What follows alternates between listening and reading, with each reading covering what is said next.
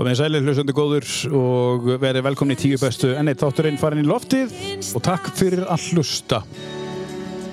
Við sitjum hér í podcaststúdíu á Akureyri sem við gerum alltaf sendum út frá höfustad Norðurlands besta stað í heimi vilja margir meina og alveg öruglega viðmælandi mín í dag en uh, það eru kostendur þáttarins uh, Glerár Torg uh, sem að allir þekkja og mæta í þegar mæti í bæinn og það er þetta að finna alls konar verslanir svo við þökkum þeim fyrir það. Svo er það Black Box pizza á Akureyri sem að kostar þáttinn og við þökkum kellega fyrir það Black Box uh, pizza. Súrdeisbotnar, þú finnur ekki fyrir því þú keirir niður heillir í pizzu. Þetta er svo nýr í maðanum og eftir, nú tala ég að einreynslu og svo er það uh, efnið sem allir er að tala um í dag, það er X-Mist það er sóttreinsi uh, efnið sem að er í spraybrúsunum X-Mist sko- kostar þáttinn sumulegis og við þakkum kærlega fyrir það kostendu góðir.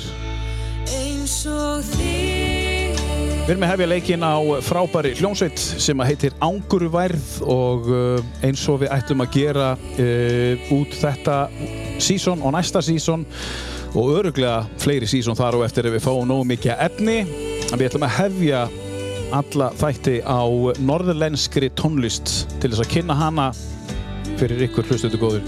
Hér er hellingur um að vera og þessi hljómsveit heitir Ángurværð og uh, einn meðlemur þessara hljómsveitar situr hér beint á móti mér og er gestur minn í dag Einar Höllu Guðmundsson, velkomin. Blessaður. Blessar, takk fyrir að koma. Takk að innlega fyrir að fá mig. Gaman að vera hérna með þér. Er það ekki? Jú, ég myndi segja það. Það er bara frábært að, frábært að þú sitt komin og við erum að spila hérna frábært lag sem að uh, hún syngur, hún uh, Anna Skakfjör, ekki rétt hjá mér. Það er alveg hár rétt sér. og þetta er nú engin smáraðis uh, að bera þetta nafn dóttir Valgeirs og, og, og Skagfjörðar og Guðrún og Gunnarsdóttir Já, það passar. frábársönguna og hún er í þessari hljómsveit sem að uh, þú ert sömulegis í Angurvær getur þú sagt okkur aðeins frá hvað þið eru búin að vera að gera? Já, til að byrja það, hún er alltaf algjörlega frábær söngkona og hérna, ef ég hefði, ef ég hefði sko átt að setja uppáhalds söngvar eða söngkona þá hefði hún klálega verið í fyrsta seti. Það er bara þannig hjá mér. En hérna, já, Ánguverð, þetta er hljómsveit sem að ég stopnaði 2016 Já, byrjuðum sem, sem tríó og það er nú pínu fyndið saga að segja frá því að hérna, ég réð, réði hljómsdina til þess að spila á tónleikum en ég var ekki búinn að manna hljómsdina Já. hvað var langt í, í, í giggi? Það var einhverju mánuðir sko, þetta var, þetta var einhverju sólstöðu hátíð á Kópaskeri eða eitthvað og, og það vantaði hérna einhverja, einhverja, einhverja tónlistaratriði og ég var svona alltaf með þessa hugmynd eitthvað í kollinum og, og hérna og ég rauninni seldi þessa þessa hljómsveit á þessa tónleika og hérna og svo ringdi ég í, í þá önnu Skagfjörð og Helga Guðbergs bassarleikara og hvort þau var ekki klárið þetta með mér og hérna og þannig var hljómsveitin til uh, upprunalega og við vorum bara þrjú og vorum aðalega að gera svona cover coverlög og vorum þá að taka veist, lög og, og, og breyta breyta þeim, taka þau úr ein- einhverjum búningum og, og hérna og veist, já, voru svolítið svona eitthvað svona endur útsetja lög og, Seti ykkar eigin búning svona, Já, já, já. svona einhvern, og er það eitthvað sérstakur búningur Einar?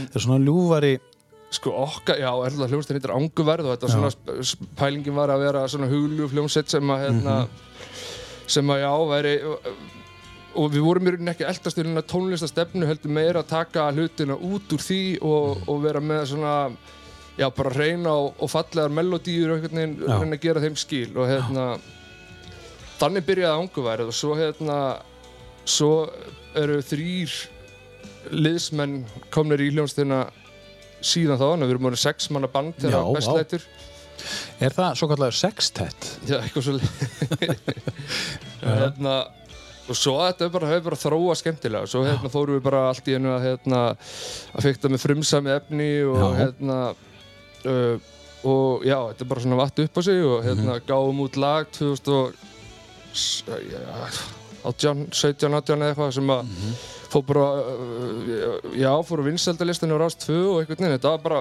bara búið að vera mjög skemmtilegt ferðalag, sko. Hvaða lag var það? Var, var, er það ferðalangur? Já, ferðalag. Þetta lag sem við hófum þáttun á aðeins eina þrá Já, Þetta er erlend lag Þetta er erlend lag, þetta er svona læginar önnu eiginlega. Þetta er svona, hérna, við höfum alltaf spilað þetta, við spilum þetta fyrstu tónleikunum að þetta er einhvern veginn fyllt okkur og svo gerði Valgeir Skagfjörð texta við, íslenska texta við þetta og hérna og svo nörduðist við þessi í stúdíun og þetta var bara, við vorum rosa satt með þetta og hendum þessu bara út. Það er ekki slæmt að vera með Valgeir og Guðrún og bara svona já, í gemsanum Hefur okkur vantar hérna texta og Það er mjög þægilegt, það er mjög þægilegt að, og, og Valgeir náttúrulega semur í alla textana, Já, til dæmis þennan líka. já Þetta er eina countrylagi sem ég hef samið á æfinni.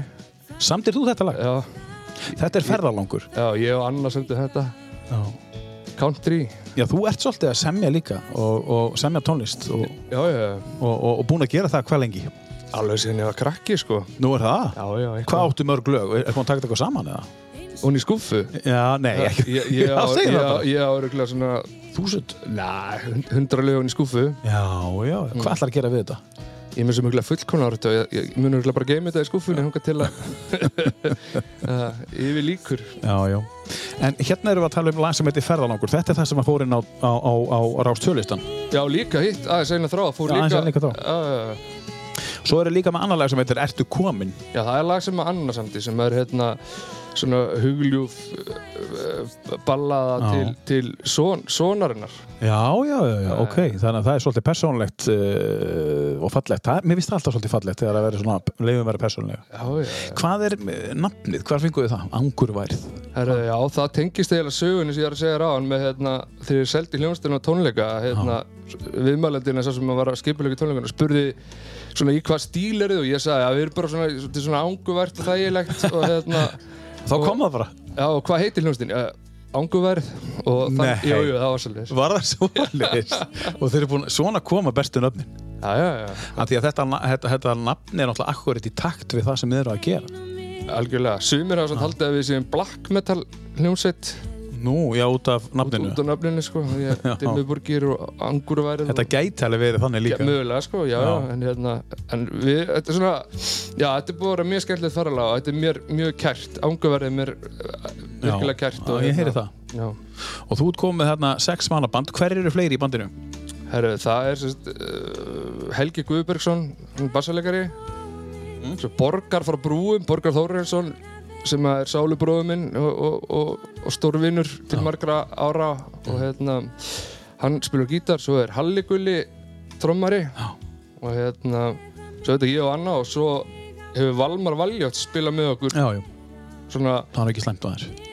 Nei, hann er ótrúlega sko, hann hefur spilað með okkur tónleikum og, og, og, og svoleiðis og, hérna, og upptökum og annað, þá hann náttúrulega er algjör, Nótulaus bara. já, hann er ótrúlega maðurinn, það er bara þannig, Hann heyri lag einu sinni bara, svo spilar það bara. já, það er bara Píanóið. svoleiðis. eða ljómborið Já, það er nú ekki slæmt, þannig að það er bara það er, hver, ma, það er valinn maður í, í, í hverju uh, já, hverju stað þarna í, í hljómsveitinni Angurværð. Já, já, já. Er eitthvað framöndan hjá ykkur? Er það uh, er eitthvað, er eitthvað sem á að plugga eða er eitthvað, er það að vinna eitthvað með hljómsveitina? Sko við erum náttúrulega, COVID er búið að vera að þvæla svolítið fyrir sko Mhm. hérna, og við vorum, erum í rauninni byrjað á plötu og hérna búin að taka upp einhverja grunna og, og svo leið sko Mm. uh, svo hefur þetta bara verið svona frekar já, svona þungt og langt ferli sko að, hérna að vinna í því Mhm. uh, við erum með eitt lag núna sem, að, sem að er, eru komið nokkuð langt með sko Mm mm, Er þú að semja það? Það er lag, nei, það er lag eftir önnu líka Mm -hmm. já, og hérna önnur svona country, country ballada Eru þau country? Nei, ég veit ekki af hverju þetta, þetta hérna, Er einhver svona country skotin í hljómsveitinni sem að færa í ráða of miklu?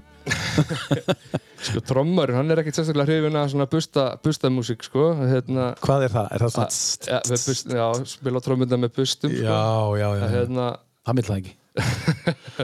En, en, nei, ég veit ekki alveg af hverju, sko, þetta einhvern veginn hefur bara, bara gerst sko Já, sem er ekkert slæmt, við erum sko. ekki, ekki, ekki að reyna að vera country-hljómsveit eða eitthvað svoleið sko Nei, sem er bara mjög ljúft og fallegt Já, já, já, bara, allir, jú, allir, annars er ég ekki bara svolítið country-drottning, sko. Já, þetta komast að því bara núna Já, getur verið. Herðu, en, en já, eitt lag sem er í bíkjar og, og, og, og uh, hérna, þið sem að hlustið á ángurværð, þið geti, ferðið ekki bara beintinn á Spotify þetta er komið. Jú, það er stefnan. En þú ert búin að vera útsetja líka, þú ert tónlistamæður. Þú kallar þig tónlistamann ekki? Jú, jú, ég jú, jú. Ég, Þú ert tónlistamæður og til hljómsveit þetta sem er tónlist. Já, já, já, og hérna, En starfar ekki sem slíkur allan daginn. nei, ég ger það ekki, sko. Ég, hérna, ég náttúrulega mjög mikið verið í þessu trúpa, trúpadóti, sko, að fara Mm. í partíinn og, og, og, hérna, og pöppana og svona að rífa liðið í gang, sko. Og hérna, búin að svo hafa það sem aukastar alveg síðan ég var, síðan ég bara mátti fara inn á skemmtistæði, 18 ára. Og hérna, 2-3 Mhm. ár. Já, það er komin einhver ár í því, sko. og ein, einhver þúsundir gigga, sko. Hérna, Það er svoleiðis. Vá. Já, já, og, og, og, og það hefur bara, þú veist, ég, hef oft sagt það, skiljur, ma maður er að fara og spila hérna einhver lög sem eru kannski ekki endilega, endilega uppáhaldslögin mann, sko. Ég myndi aldrei kannski mæta í tíu bestu með, með trúbamöffunum mína og, hérna, henda, henda því út, en Búin að fá ógeða. ógi og ekki ógi sko, maður má ekki maður, sko, það sem að svona helsti kosturinn við þetta starf, þú veist, að fara og spila lög eftir aðra eh, og, og allt það er það hérna þetta er haldið mann í gríðar Hver er að hringja? ekki hugmynd sko. Nei, ok. Já. þetta er haldið mann í svona gríðarlegu spilaformi alltaf Já. veist, maður, maður er einhvern veginn maður er einhvern veginn hérna Já. já, hefur er alltaf í, í, í æfingu og þjálfun sko, hérna og svo er þetta, þetta bara, já, eins og segi maður má ekki maður má ekki hérna, vera neikvæður út í þetta. Þetta bara hefur, hefur verið gaman og skemmtilegt Já, farið við það og, og gert alls konar með alls konar fólki og, Og ertu að trúpa þátt um alls landið? já, já, já, ég, ég hef, hef alveg verið í því sko mm hérna, svo veit að núna í setni tíði maður er orðin er ásettur fjölskyldu maður og hérna, Já. þá kannski er maður ekki alveg mikið að nenn að fara Nei. á djúpavog eða, eða hérna eða hva, hvað hva staðarinn heitir sko hérna en maður fer samt alltaf eitthvað sko hérna, Já, já. já, já. En, en sko, er ekki bara nóg að gera hér? Það er nú, þú er nú bísna þekktur hér á þessu svæði og það er, þú er búin að vera að spila það lengi hér á Norrlandi að, að, að, að það er ekki bara nóg að gera sko, sko fyrir COVID. Þá Já, er fyrir taka- COVID. Já, ég er að hugsa um bara svona þegar stafan er eðlileg, Jú, al, algjörlega og hérna þá er alveg gigg.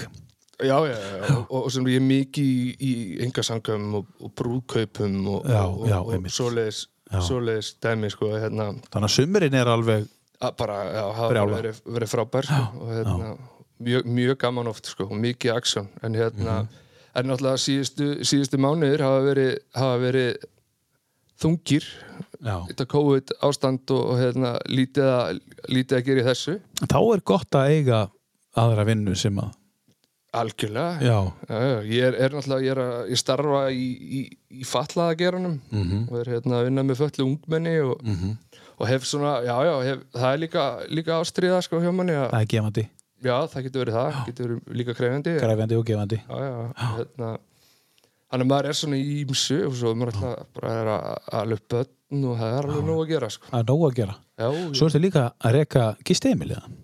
nei, Nei. ég er nú ekki að reyka gistiheimili, ég, er, hérna, ég á íbúður hins vegar sem ég er með í svona útlegu. Já, sem að er eins og bara núni í fast, fastri útlegu ekki, ekki í neinum svona túristabransa sko. og fleiri íbúðir sem ert með hérna á Akureyri. Nei, ég á tvær, bara Já. svona litlar, litlar bara í húsinu minn í kjallaranum Já, sem ert að leið út. já, já, já, Já, já, já, já. hann var á tímabili með, með það einhvers konar ferða eh, Airbnb Mhm. dóti sko, en hérna er langt sinni hætti því og, og hérna Orga sig ekki það. Bara ómikið vinna. bara mikil vinna og veit ekki, svo er nú engi túristar hvað sem er núna, þannig að- það sé betur fyrir Já.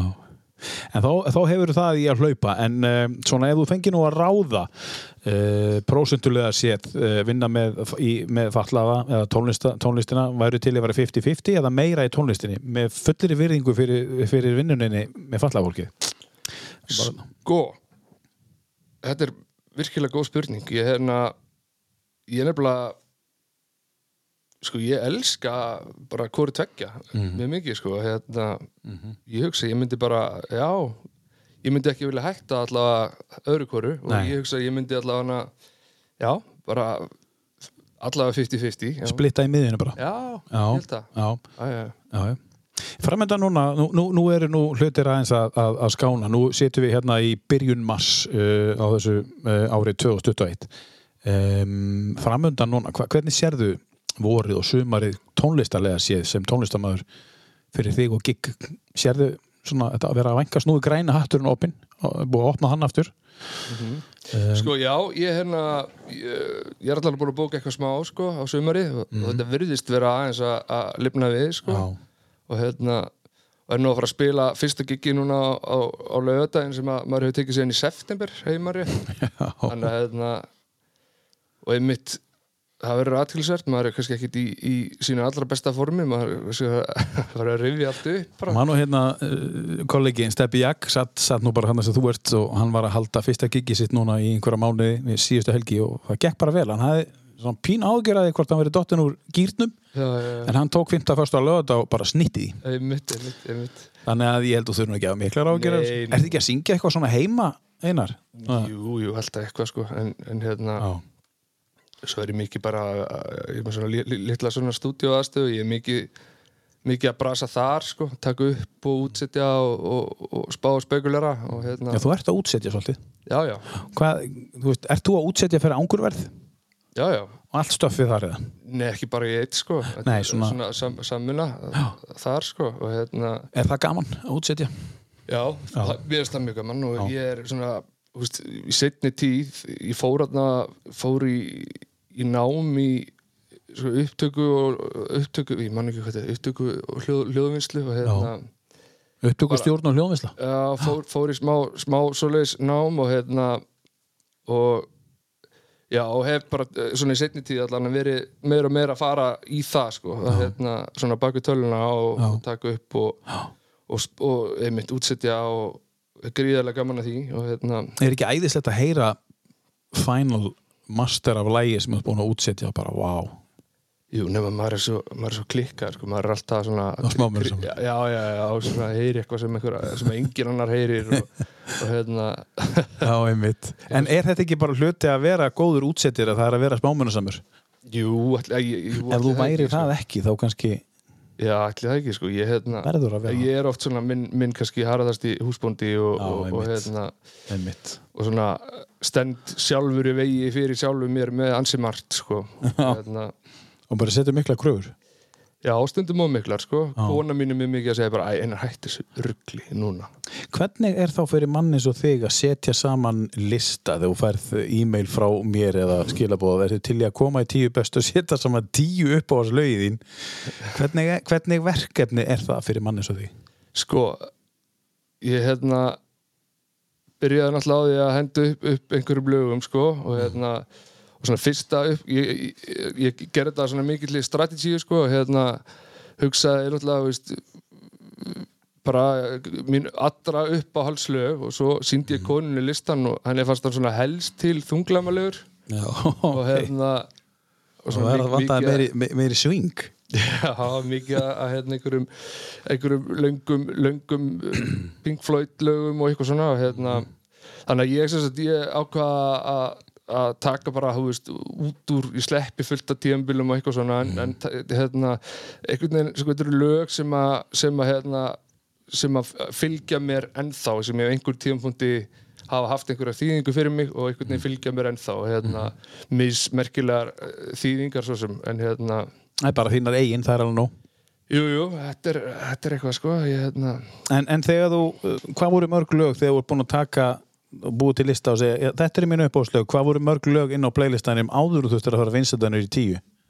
Svona 40 Já, Já. og hvernig leiðir það? Mér fannst þess að ég var að afneita börnunum. Já, einmitt. Þa, að það, þetta var bara mjög svona, þetta var bara mjög krefjandi sko að, hérna, en, en, en- á móti kemur eins og margir hefa að tala um að þá fá þeir þessa já, þessa stund með sjálfum sér það sem eru að gera bara eitthvað sem að þeir hafa kannski aldrei gert áður og hugsa bara, vá, þetta er geggjað ég er að, bara, ég er að vinsa hérna úr jú, jú, tíu, þetta, þetta eru lögin.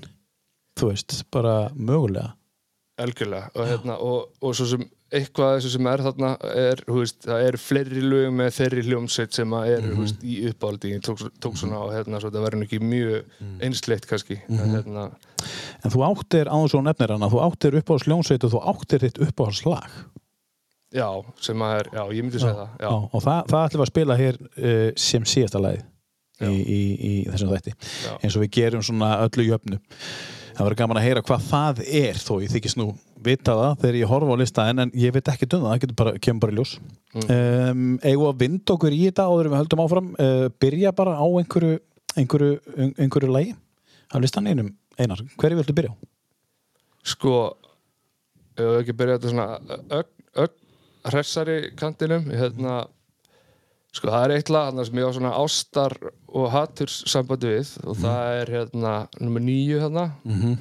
uh, og það er sko maður er búinn að hérna þetta lag, ég held ég hafi aldrei eitt jafn miklum tíma í neitt lag ever í að læra það Já, að, meinar, spi- já. að, spi- að spila þetta lag að, hérna, þetta er veist, ég lærði þetta nóti fyrir nóti og þetta er alveg heljarinnar dýfisis lag, endalist Mhm. einhverjum gítarlínum og lykkjum og hérna og já, þannig að Þetta er hérna ekki. já, já, ég var að, var að hafa þetta með sko. Já. Þetta er Mark Knopfler. þetta er mörgnófler Já. uh, og þetta var, já, maður er búin að stúdera þetta lag mikið, sko Sem er mikill gítarleikari. já, frábær gítarleikari Er þetta erfitt lag fyrir Já. gítarleikari? Já, þetta, þetta er bæði, sko Likkin og svona er ekkert kannski klikka erfið, sko Svolítið hérna- offbeat. Já, og svo er þetta, þetta er svo, bara svo mikið sem það þarf að muna því að veist, allt lægið í, bara, í, í gegn er bara endalist einhverjum gítarlínum og lykkjum og hérna, einhvern veginn aldrei eins og þetta, já, maður, hefur bara verið mjög frústreraður þegar maður var að læra þetta, sko Love-hate re- relationship. Þú elskar þetta lag samt. Þetta er, það er eitthvað, það er eitthvað gott við þetta lag, sko Það er svakalega mikið við þetta lag. Sko. Skulum heyra smá hérna, nokkuð brot úr þessu lagi með Dire Straits. Sultans of Swing heitir þetta.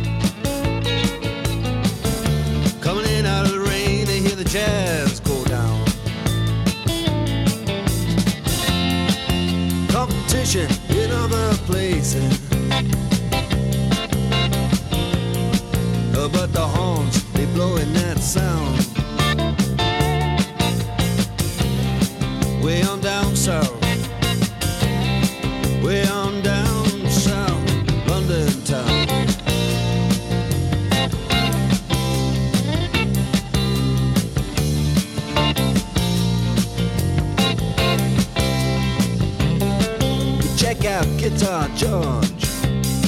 He knows all the chords. But it's strictly rhythm, he doesn't wanna make it cry or sing. If then an old guitar is all he can afford, when he gets up under the lights to play his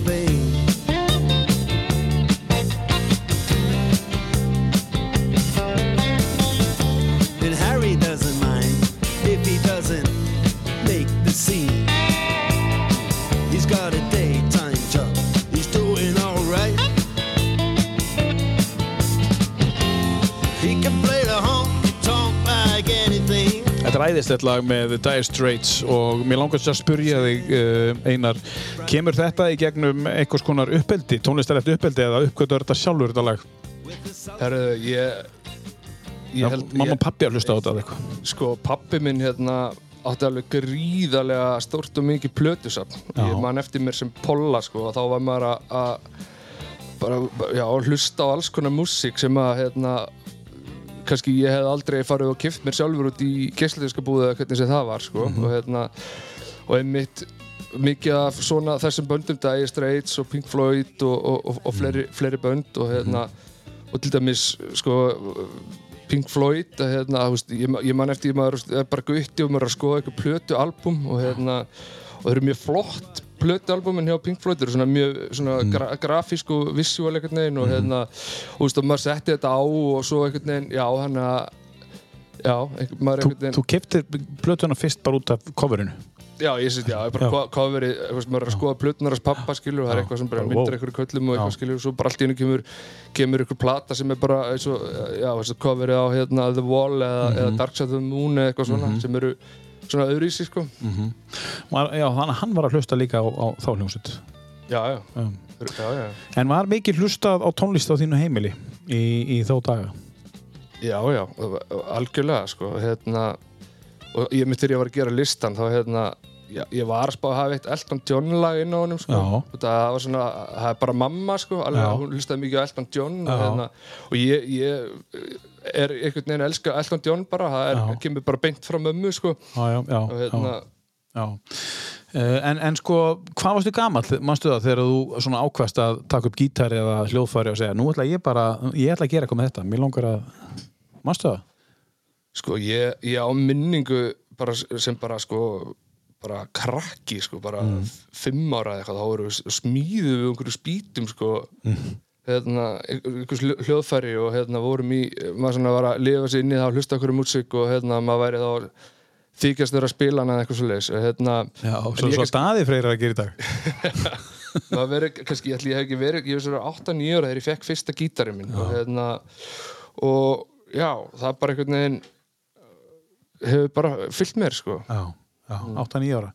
Og, og þá byrjar, fórstu í tónlistaskóla eða fórstu, lærið þetta bara sjálfur? ég fór fyrst í tónlistaskóla fór ég á, hérna, á trommur hjá Kalla heitnum Pettersen Já. hérna, lærið hans á trommur hjá honum og, og ég vorkinni fóröldur minni, ég fekk að hafa trommusettin í geimslu heima og hérna þar var maður og, og landi og maður eitthvað lífi að leysa Já. og hérna svo einhvern veginn já, bara svona fór ég að hafa meira áhuga á, á, á því að stíga framar sko, heldur en að, að vera aftastur á sviðinu og, og trombunar og hérna fór Vera að spila já, eitthvað svo leis Já. hérna, En var það þá hljóðfærið eða var það tilfinningin að mér langar að vera framar á sviðinu? Nei, veist? nei, ég er að fýblast með það, það var ekki, ég, ég, held ég hef ekki verið að hugsa það, sko. Nei, bara, nei, ekki svo ungur. Einhvern, veginn ekslaðist þannig, sko, hérna, svona, já, gítarinn hefur kannski verið mitt, svona aðal, Mm. aðal hljóðfæri, sko, en, og píanóið svolítið í setni tíð líka. Mm. Uppsett trommusett í dag, getur þú lamið þá? Mm, Ég get alveg lamið á það, en það er ekki gott. Það var ekki gott. Nei, nei, nei, þú ert ekki að útsetja og segja bara ég skal bara taka þetta.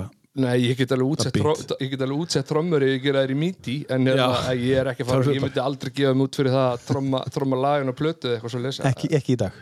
Nei, nei, nei, nei. Al, alls ekki sko. það Langar það að fara að taka trommunar aftur? Nei, Bara, það er bara aðrir í því það er aður í því. Já, ok. já, já. Þannig að það er bara gítarinn. Ég er til dæmis með mjög góðan trommuleikara með mér í hljómsdýrinu Anguver, hann er Halligulli og hann er hérna, hann er nú bara úr einhver annari veröld fyrst mér sko hérna, getur verið að gera sko, fjóra mismunandi hluti á sama tíma og þau eru einhvern veginn ekki e, e, lógískir en einhvern veginn hann bara, hann er alveg, hann er alveg klikkar maður er oft á æfingum og svona einhvern veginn bara, já, bara festist maður í að horfa á hann sko, það sem hann er að gera Það er einstakt sko að þeir eru kannski að tromma með fótunum með tveimur mismöndi töktum þar og svo tveimur mismöndi töktum með höndunum líka. Bara- Þetta er bara fárálegt að einhvern veginn að horfa á ég var, ég var, aldrei, sko. ég var aldrei þannig góður heila kvelin einhvern veginn bara saman. Þú fer allt í fyrir allt bara, já, þetta er ótrúlegt en uh, já, en hérna kanntu á einhver önnur hljóðfæri? í, í raunheimi eða, eða Já. í, í, í stúdi sko, náttúrulega Í raunheimi sko, ekki í, sko, ég er náttúrulega já, ég get spilað á, á, á gítar og, og píano og orgel og eitthvað svona og Já, já. bass, bassa já, en, hérna, en já. svo náttúrulega, þú veist maður er að taka upp og útsetja eitthvað svona ég, maður er að nota midi og það, það er orðið mjög flott skilur, maður getur alveg að spila á franskt horn og, og, og, og cello skilur Bara maður ýta á takka. Já, bara spila á hljómborð og, hérna, Já, og, já, og, og, og svo leið sko. en, hérna, en ég get ekki sest, sest á, með franskt horn í fangið og, og, og látið nokkuð að viti koma út úr því sko. Alveg saman komum þetta reyna mikið já, kem, það er örugglega ekki gott En uh, þessi minning sem þú áttir uh, þegar þú varst lítill uh, er eitthvað, þegar þú varst með gítarinn hérna 8-9 ára gammal, er eitthvað lag sem að tengi við það? Ertu með eitthvað Já, ég setti lag á listan vegna þess að ég á mynda mér þar sem ég er bara, einmitt, ég veist, veit ekki nákvæmlega hvað ég er gammal en ég, veist, ég er í náttfötum allavega og, Já. og ég er með fyrsta gítarinn í fanginu og inn í herbygginu mínu og herbygginu mitt er, er á þessum myndum er, er bara þakið að plaggutum af Guns N' Roses og hérna. Og einmitt þetta er hana, þú veist, þetta kemur út örgulega 91 2 eða eitthvað svo leiðis og hérna og maður er svona uppgöta ímislegt þarna sko og þessi þetta lag, ég er bara klassa balla þetta er, þetta er hérna setti þetta þarna inn einmitt þessari tengu við Guns N' Roses sko. Þetta var til í tveimur útgáðum. Já, með tveimur mismunandi texti minni mig Já, og þú velur uh, af uh, hérna Use Your Illusion 1. Já, Þetta er sérst orginal útgáðuna áður í breyttu. já Já. Ég, hérna Já, ég, það, ég, ég hef svo sem ekki mikið hlustað á einu útgáðan af læginu Hvernig finnst þér að, að búa til tvær læg, útgáður af læginu á sama tíma af einhverju svona risa lægi? Þú veist, þetta er Það skrítið. hefur verið eitthvað konflikt í gangi í þessari ljómsveit sko. það bara er, er eitthvað bara lögfræðingar og, og hérna, Það hlýtur að vera. eitthvað svoleiðis bara er, ég vil hafa þennan texta og, eitthvað svona Það hlýtur að vera. Ég- Þeir byggur til tvö lög, nei, tvær plötur bara, bara til þess að koma þessi í gegn. einmitt En þetta er náttúrulega bara frábær plata, Use Your Illusion 1 og kom út tvær plötur og ég skil vel sem gítarleikari að þú hafi fílað þetta. Mm. Slassarinn hana. Já, já, já. Hlustar á slass í dag, svona solo. Nei. Það er bara Guns N' Roses. Já, Fórstu tónleikana? nei Nei.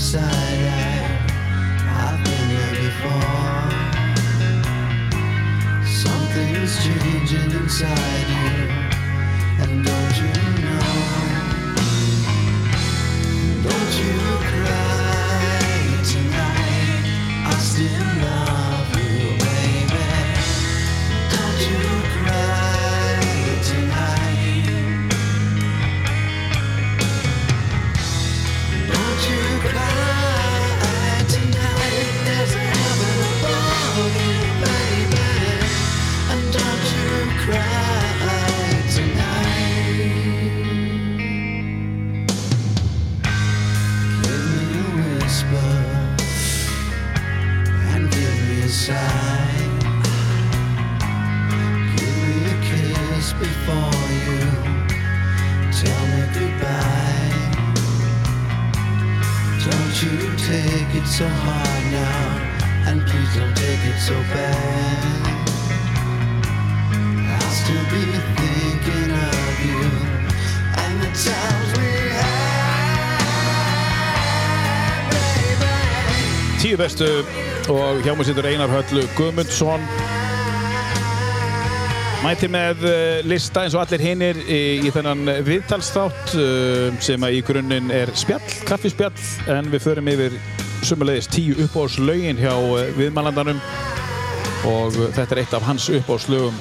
Einar Höllu, þú gerir ekki upp á milli mamma og pappa, það er alveg ljóst Einar, Jú, jú, þetta er hérna þú ert Höllu son ég, Já, ég er svo, Guðmundsson. Höllu og Guðmundar sko. Já, ertu frá hérna- Dalvík? Nei, ég er ætti að fara Rauvarhöfn Já, Rauvar Og hérna Það er rosa margir eina Guðmund sinni þar og hérna margir kendir við maður sínar Er það svoleiðis þar? Já, ég veit ekki hver fann upp á þessu nafni á mig sko. Þetta er bara festist og, og hérna og já, Ertu skýrður Einar nei, Höllu nei, nei, ég heiti bara Einar Guðmundsson Já. og hérna og þetta höllu kom bara einhver stað til aðgræninga frá okkur með öðrum einurum Guðmunds sonum á, á einhverju tíampunkti sko. Og þetta er bara þegar þú ert bara pínu lítill strákur. Ég, þetta gef svona ég, just, ég bara hreinlega manna það ekki Nei, sko. þetta er hérna, og þetta bara einhvern veginn hefur hefur bara já, fyllt, fyllt mér Já, já, og bara ágætt sko já. já. Um, Talandi um fjölskylduna eina, þú ert orðin e, ráðsettur eins og. Jú, Hvernig eru jú. fjölskylduhæðinni? Hva, hver er kona þín og, og, og hvað er í mörg börn? Og... Sko, við hefum fjögur börn Fjögur börn? samtals, já hérna, Þú, hvað ertu gamall? Nei, já, ég ætti ekki að spyrja það. Ungur maður? Ungu maður, já við, Þið eru rík? Já, algjörlega, við við erum með börn á, sko, frá 6 mánuða upp í 17 ára Vá! Já, og hérna Hvernig er það að vera með svona breytt bil? Gengur það alveg vel? Já, ég meina þessi 17 ára getur með sér að passa, sko Það er, Já, bara algjör snill, sko, já. En nei, sko, konan, konan á hennar 17 ára ár fyrra, fyrra, fyrra sambandi og ég og svo eina stelpu sem er að vera 8 ára og fyrra sambandi og svo eigum við tvær dömur saman Já, já, já. sem eru, eru 6 mánuða og rúmlega töggjara, það er stutt þar á milli Já. mikið, mikið fjör Mikið fjör þar. Já, já, lítið sofið og alls konar en hérna, þú þekkir þetta Já, já, ég þekki þetta. Þannig að hérna, já Þannig að það er alveg nóg að gera. Virkudagarnir að skuttla í skutla æfingar og, og, og sækja þang, þennan þanga og skutla þessum þanga og Gast ekki bara sendt uh, þetta lið í, á skautaæfingar? jú, það er líka sko. Já, bara labbað á einhver. Já, það er sem betur fyrir er hérna þessi áttara er, að- er, er, er, nýri skauta, skauta höll sko, hann býr ekkert langt frá skautahöllinni hann Einars hann- næsta húsi. næsta húsi við um, segðu mér uh, er, er eitthvað af þessum ágætu krökkum að hlusta á tónlist og sýnir svona einhvern áhuga og þú gerir þegar þú varst uh, lítill?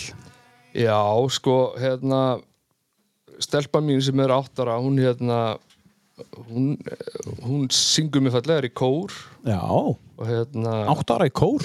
Já, kirkjukórnum. Og hérna já, já. og er svona, já, mjög musikölsk og, og flott, syngur fallega og hérna og við höfum stundum tekið upp lög líka heima og hérna ég hef ég útsett fyrir hana og hún hefur fengið, fengið að spreita sig að syngja í mikrofón og svona æðislegt, þannig að það er allt saman í vinslu sko. það er skemmtilegt. Það er mjög gaman. Og er það að fara að gefa eitthvað út, segiru? já, ég veit, jú, jú örglega sko, einhver tíman Nú er þetta bara svo þægilegt, núna getur þú bara ef sérstaklega á kanta útsetja og ert með aðeinslega söngunum, þið getur bara hent saman í lag og sett bara á Spotify. Jú, jú, og, það þarf ekki að finna einhvern útgáfu uh, risa til þess að gefa þetta út núna? Nei, nei, Elsula, þessi, þetta eru nokkur lög sem að henni, henni, sem að, uh, hún, henni finnst skemmtileg, sko, sem að kannski, Já, sem að eru kannski, hérna, já, ekki, uh, ekki, kannski skemmtilegustu lög heiminum að mínum að sko. nei, nei Ha, en, en ég menna, hún er gaman að þessu og ég er bara gaman að stiða við hana í, í, í þessu og, og sinna þessu með henni.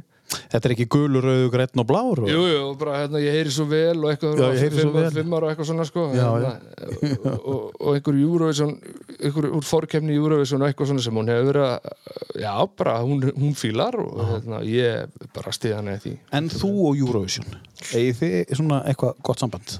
Bara almennt. Horfur á Eurovision, hlustar Eurovision? Sko, ég hef nú ekkert, ekkert, ekkert, hérna, verið eitthvað brjálaður, brjálaður Eurovision fan, sko, í gennum tíðina, en hérna, mm, ég hef nú samt sendt lögin í keppnina Mhm. uh, og bara svona eitthvað, eitthvað að ganni, sko. Já, já. og hérna og sami, svo, svo ég, frendi minn hérna uh, hann, skal ég segja hann er svona meiri Eurovision kall, sko hann Já. komst nú inn í fyrra með lag Hver er það? hann er Þórhallur Halldórsson og við höfum sami svona einhver, einhver, einhver uh, einhver, já, svona Eurovision lög og hann, hann er miklu meiri inn í þessu heldur en ég, ég hann er kannski komið tíminn og við höfum hent, hent í eitt lag og svo er hann farið, farið með það eitthvað lengra, sko. Já, já, já, já. og, hérna, og, og sendi inn þá eða eitthvað og, og hérna meira bara að segja þessu, ég, þetta er ekki alveg svona mitt.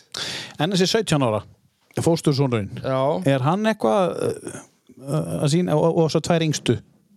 Ég sko ég byrjaði á stráknum sko, hann náttúrulega er bara 17 ára og hann, hann hlusta bara á rap og hérna Já. og þegar hann fyrir styrtu þá hefur hann rosalega hátt í rappinu og hérna, Er hann að rappa í styrtu? nei hann er bara að hlusta á rap Já, sko, ok. já, já, hérna Menn sungu í styrtu gamla það? já, já, hérna þannig að, nei, hann svo sem er ekkert, ekkert uh, hann spilar ekki hann í hljóðfæri en eitt svoleiðis, en hérna en, en er alveg, hérna, samt alveg hefur áhuga á músík, sko, já, já Unglíkar í dag hafa bara held í flest allir áhuga á músík. já, Mjög margir. Það er mjög fáir sem er bara í nenningi að hlusta tónlist. Í, í kringum mig, sko.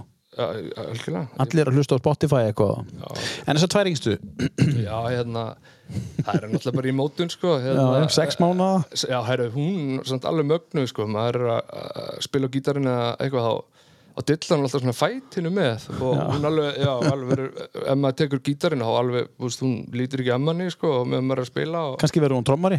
það getur verið. Þannig að æfa fótinn. Já, hérna, og svo, já, þetta er bara litla stelpur, skilur, þetta er í vinsli, það er alltaf að klálega músík í þeim báðum, held ég. Eh, leggið upp úr tónlist eh, til dæmis eh, tónlistarétt uppeldi eh, fá krakkan eins og til að senda það í tónlistaskóla og prófa það Já, já, maður er alveg, alveg hugsa það, en eins og, eh, já, dóttir mér fór hann í, í, kórin, sko, hérna, og, og, þú veist, já, og finnur sér þar já, já, hún er bara, hún er rosa flott, sko, mikla innlifun og, hérna, og, já, þannig að ég er alveg handis um það að ef hún vill, vill halda fram í tónlista, hún er eftir að gera góða hluti þar, sko. Já, en frúin, Hún er mikil líka tónlistar unnandi, sko. Já, hvað hlustar hún á? Sko, hún er miklu meira modern en ég sko. Já. hún er svona meira í hérna eh, svona, já, miklu glaðari heldur en ég sko, í, í, í lagavali og svona hérna, Þú ert svona fúll í lagaveli Ég er mjög svona, ég er mjög tilfinninga þrungin Já. en, en Hún, er, hún, er, já, hún er mjög svona mjög, elskar að fara tónleika og, og, og fara og, og gera alls konar og já, bara mér, mér finnst hún með mjög góðan tónlistasmekk sko Mhm. og hún er hlusta alls konar hluti sem mér hefði aldrei dottið í huga að hlusta á og svo hefði það einhvern veginn smittast yfir, í, yfir til mín og, og til dæmis lag hérna á listanum sem að, sem að hérna sem að er, þetta er reyndar bara eina lagi sem að ég hef heyrt með þessum náunga og, og, og hérna þetta er eitthvað lag sem að, sem að hún var mikið að hlusta á tíðanbili og ég er svona dróst inn í það með það er svo flott það er hérna það er svona tvírattaður svona áttunda uh, söngur einhver og hérna og svona, já, já, ég allan fór að leggja hlustir og, og hérna, svo byrjaði ég bara að fíla þetta lag og svo fór ég með þetta mitt á ánguverðæfingu og við gerðum einhverja útgáfa af þessu, sko, svo vorum eitthvað að leika okkur með það. Já. og þetta lag er bara já, tilengja henni á þessum lista, sko. Já, hvað hérna hvað hva getur þú sagt okkur? Hvað hva er þetta? Jared James. Já, ég veit ekkert hvað Nei. þetta er, sko. Þetta er, ég veit ekkert ég veit ekki, me- ekki mjög mikið um þetta lag, sko. Það er bara eitthvað, eitthvað það er eitthvað kúlotna við þetta, finnst mér. Og ef verið að henda íslensku text á þetta as we speak? Nei, við, nei, nei, við vorum með þetta í gömlu anguver, sko, við vorum Já, með coverið. cover-dotinu, sko. Mm. heyrum aðeins í hérna Jared James og ásand einhverjum Rory. Ég veit ekki, ég veit ekkert hvað það er. Do you remember? Það kom samt inn á listaðin einar þetta er það inni sko Já, þetta er fyrir, þetta er, þetta er, Þetta er fyrir konuna. Fyrir konuna. já, rétt Call me when you made up your mind, but you won't. Caught up in the way that you played my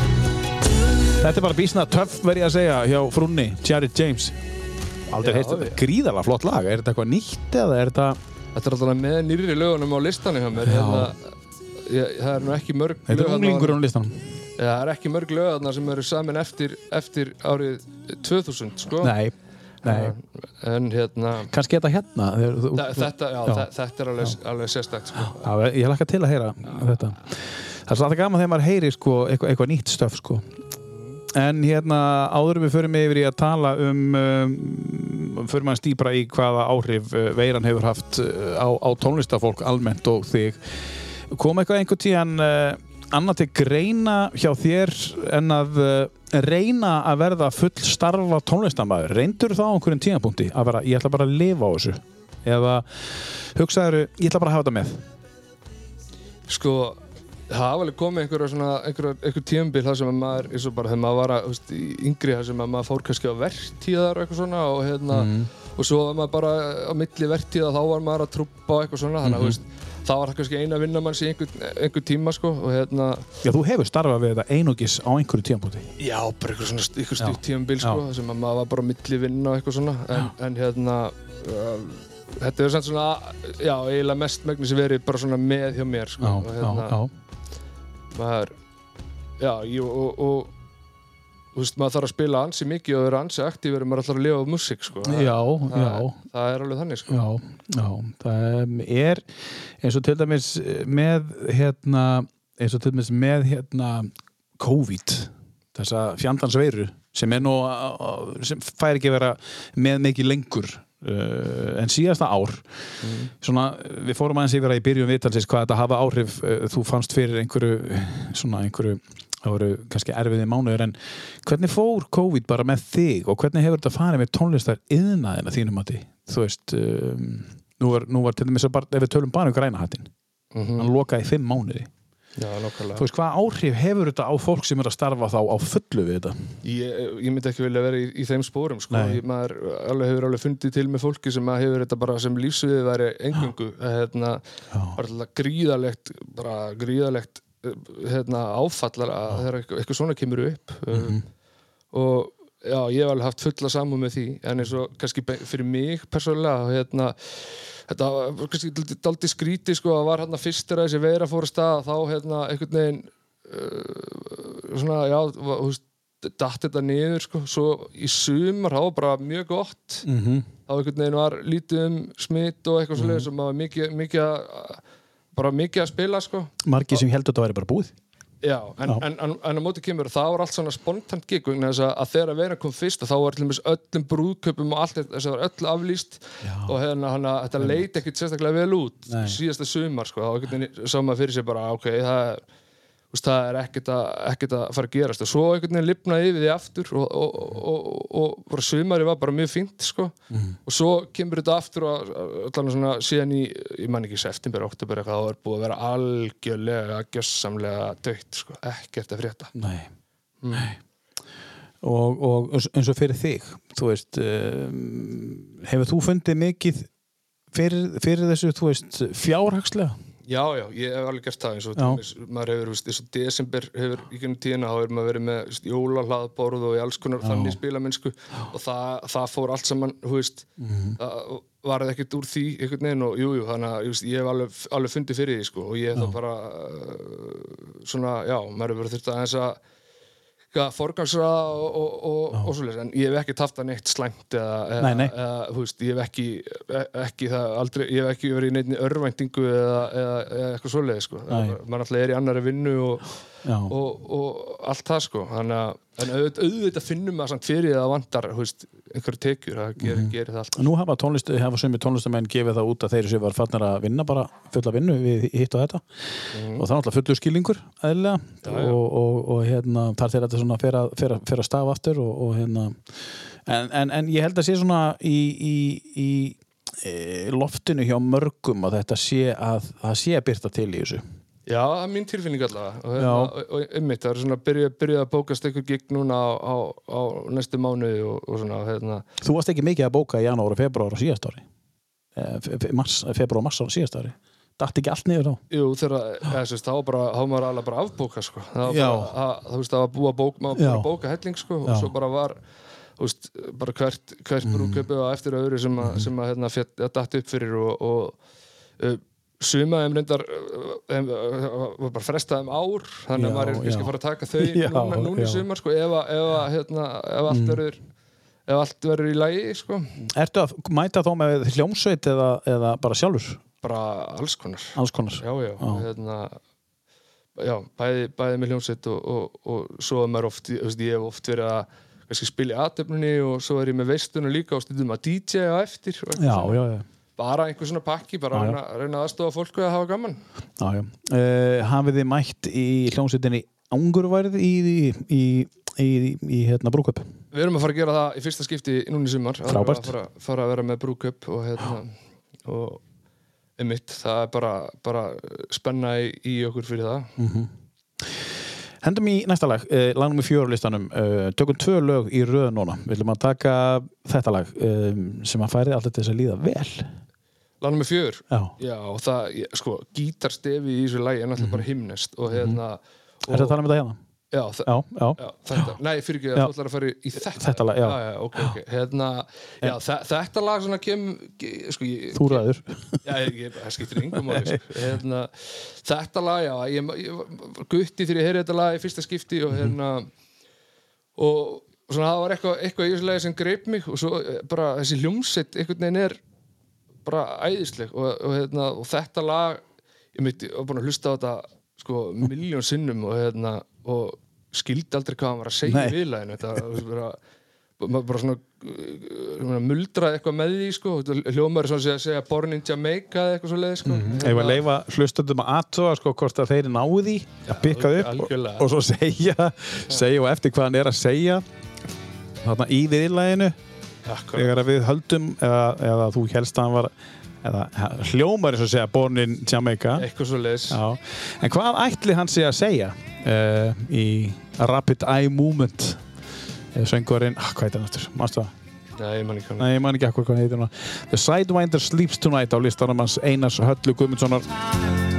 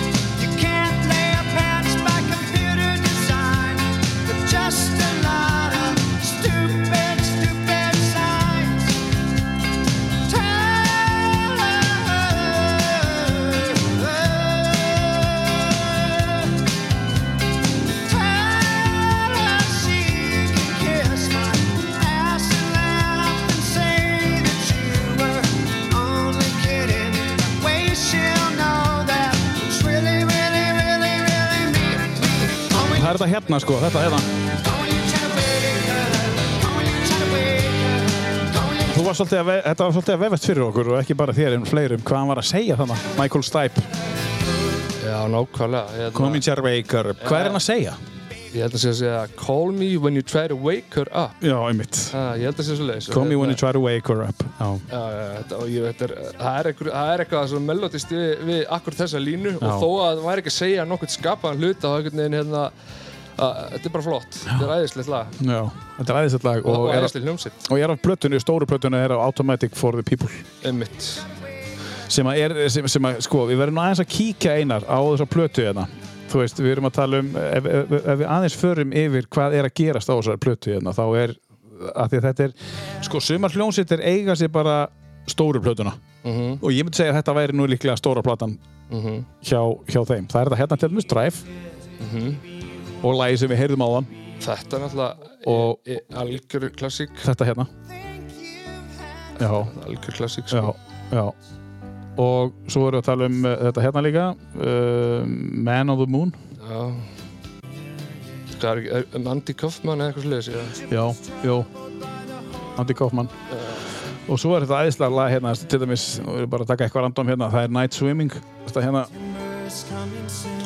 Sko R.E.M. er svona, eins og segi, maður hefur ekkert kannski, maður hefur ekkert ekkert endilega, hérna, þetta er svona hljómsett sem að ég held að öllum þykir vænt um einhvern veginn, sko, sem að einmitt á, sem ólust upp hérna já, já, Já. Sem, sem, samt kannski er þetta ekkert eitthvað svo uppbáðs hljómsettin hjá Nei, ég veit ekki, ég hef aldrei hitt einhvern sem að bara er alveg bara Nei. gegn hill R.E.M. aðdáðandi Nei, góða punktur. Ha, og, þetta er bara þarna og er samt bara einhvern veginn vinarlegt og gott og, já. og kemst inn á topp 10 listi á þessum já, ég, mér fannst ég þurfa að setja þetta lag inn. engi spurning sko. Mm. Call Me When You Try To Wake Her Up lagið heitir The Sidewinder Sleeps Tonight á tíu lagalistarnum hans Einars Höllu Guðmundssonar við ætlum að fara næst yfir í já, ekkert síður í tónlistamann Eh, hann er nú oft í uppáhaldi meira í uppáhaldi á fólki, þessi gæi hann er einn af þessum sem að hvarf 27 ára Einn af þeim, já. einn af þeim sko, ert þú með einhverja skýringu á því? Nei, ekki neitt sko. Það er bara guðslíðandi fegin þegar maður var 28 ára og Já. hérna, þetta var bara, það var hólpin. Nei, Hvað? Já. já þetta, er, þetta er, það er undarlegt dæmi sko. Já, Mm. við erum að tala um eh, Jeff Buckley Já, og nú, sko, þetta lag með Jeff Buckley finnst Mhm. mér bara þetta er bara guð, guðdómur Ég, þetta aðal stóra platan þessi Grace, myndur þú segja já. Já, Já. Hvaða lag er þetta sem við ætlum að spila hérna núna á þessum lista? heitir Lovers You Should Have Come Over Já, og þetta er bara, það er bara einmitt, það er einhver, það er einhver áferð á þessu lægi og, Mhm. og einhver svona uppbygging og, og, og, og þetta er bara, þetta er bara epíst og styrla flott hvenær kynntistu Jeff Buckley og í gegnum hvaða lag, mæstu það? Var það Halleluja eða Já, ætli það ekki, maður maður ekki fyrst heyrt, heyrt það sko, hérna eftir Leonard og ég svo sem hef ekkit, ekkit ég er e- engin sko brjálaður Jeff Buckley spek, spekulant sko, en, en þetta lag hefur einhvern veginn fyllt mér alveg í gennum tíðina og mér svona já, það er einhver, það er einhver tilfinning í því sem að, sem að hérna, ég tengi við Hvenær hlustar á þetta lag? Á, hvað ertu? Hvað ertu að gera þegar þú hlustar á þetta? Vist, bara keri bíl eða, eða, eða, hvað sem er sko. maður er bara einhvern veginn hérna ég er ekkert, ég örgulega hlusta á þetta þegar ég hef verið dán og líka bara þegar ég hef verið í góðu skap að kera heim eftir gig eða eitthvað sko. Já. mm. Hlustar á texta? Já, í setni tíð er ég, Mm er ég farin, að, farin að gera það sko. en hér áður fyrir þá stóð ég ekkert í textin sko. En uh, valdur eitthvað uh, inn á lestaðin uh, út af texta? Já, það eru hann allavega tvö lög sem, að, sem að eru hérna sem eru bara, Lag á texti? já, algjörlega Heyrim þetta lag, Lover You Should Have Come Over af plötunni Grace, Jeff Buckley good love from going wrong. But tonight, you're on my mind, so you never know. Broken down and hungry for your love, with no way to feed it.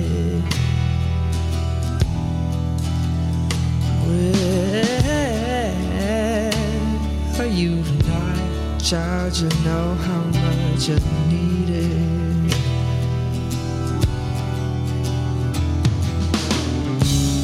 Too young to hold on, too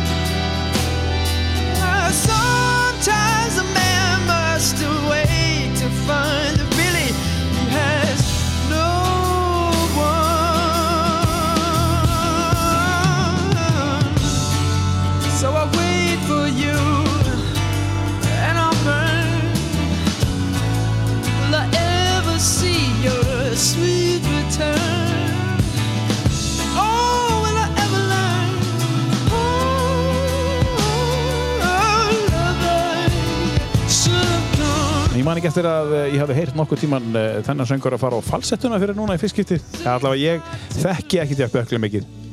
En svona það helsta með honum. Þetta, þetta hef ég aldrei heyrt áður og er mjög fallegt. Lover, you should have come over á tíu laga listanum hans einars. því líka náungi sko Ma, maður er hérna frábær og, og maður er velti fyrir sig hvað hva ég ósköpunum maður væri að gera í dag sko hann hefði lifað sko hérna, Já, það er spurning.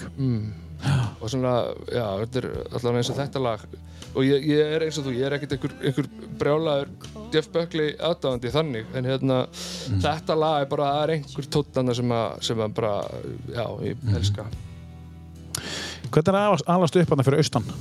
Uh, með, uh, það, það er svolítið margir tónlistamenn sem koma þarna austan. Ég get nú nefnt nokkra. Einar Ágúst. Er hann ekki frá samast á þú?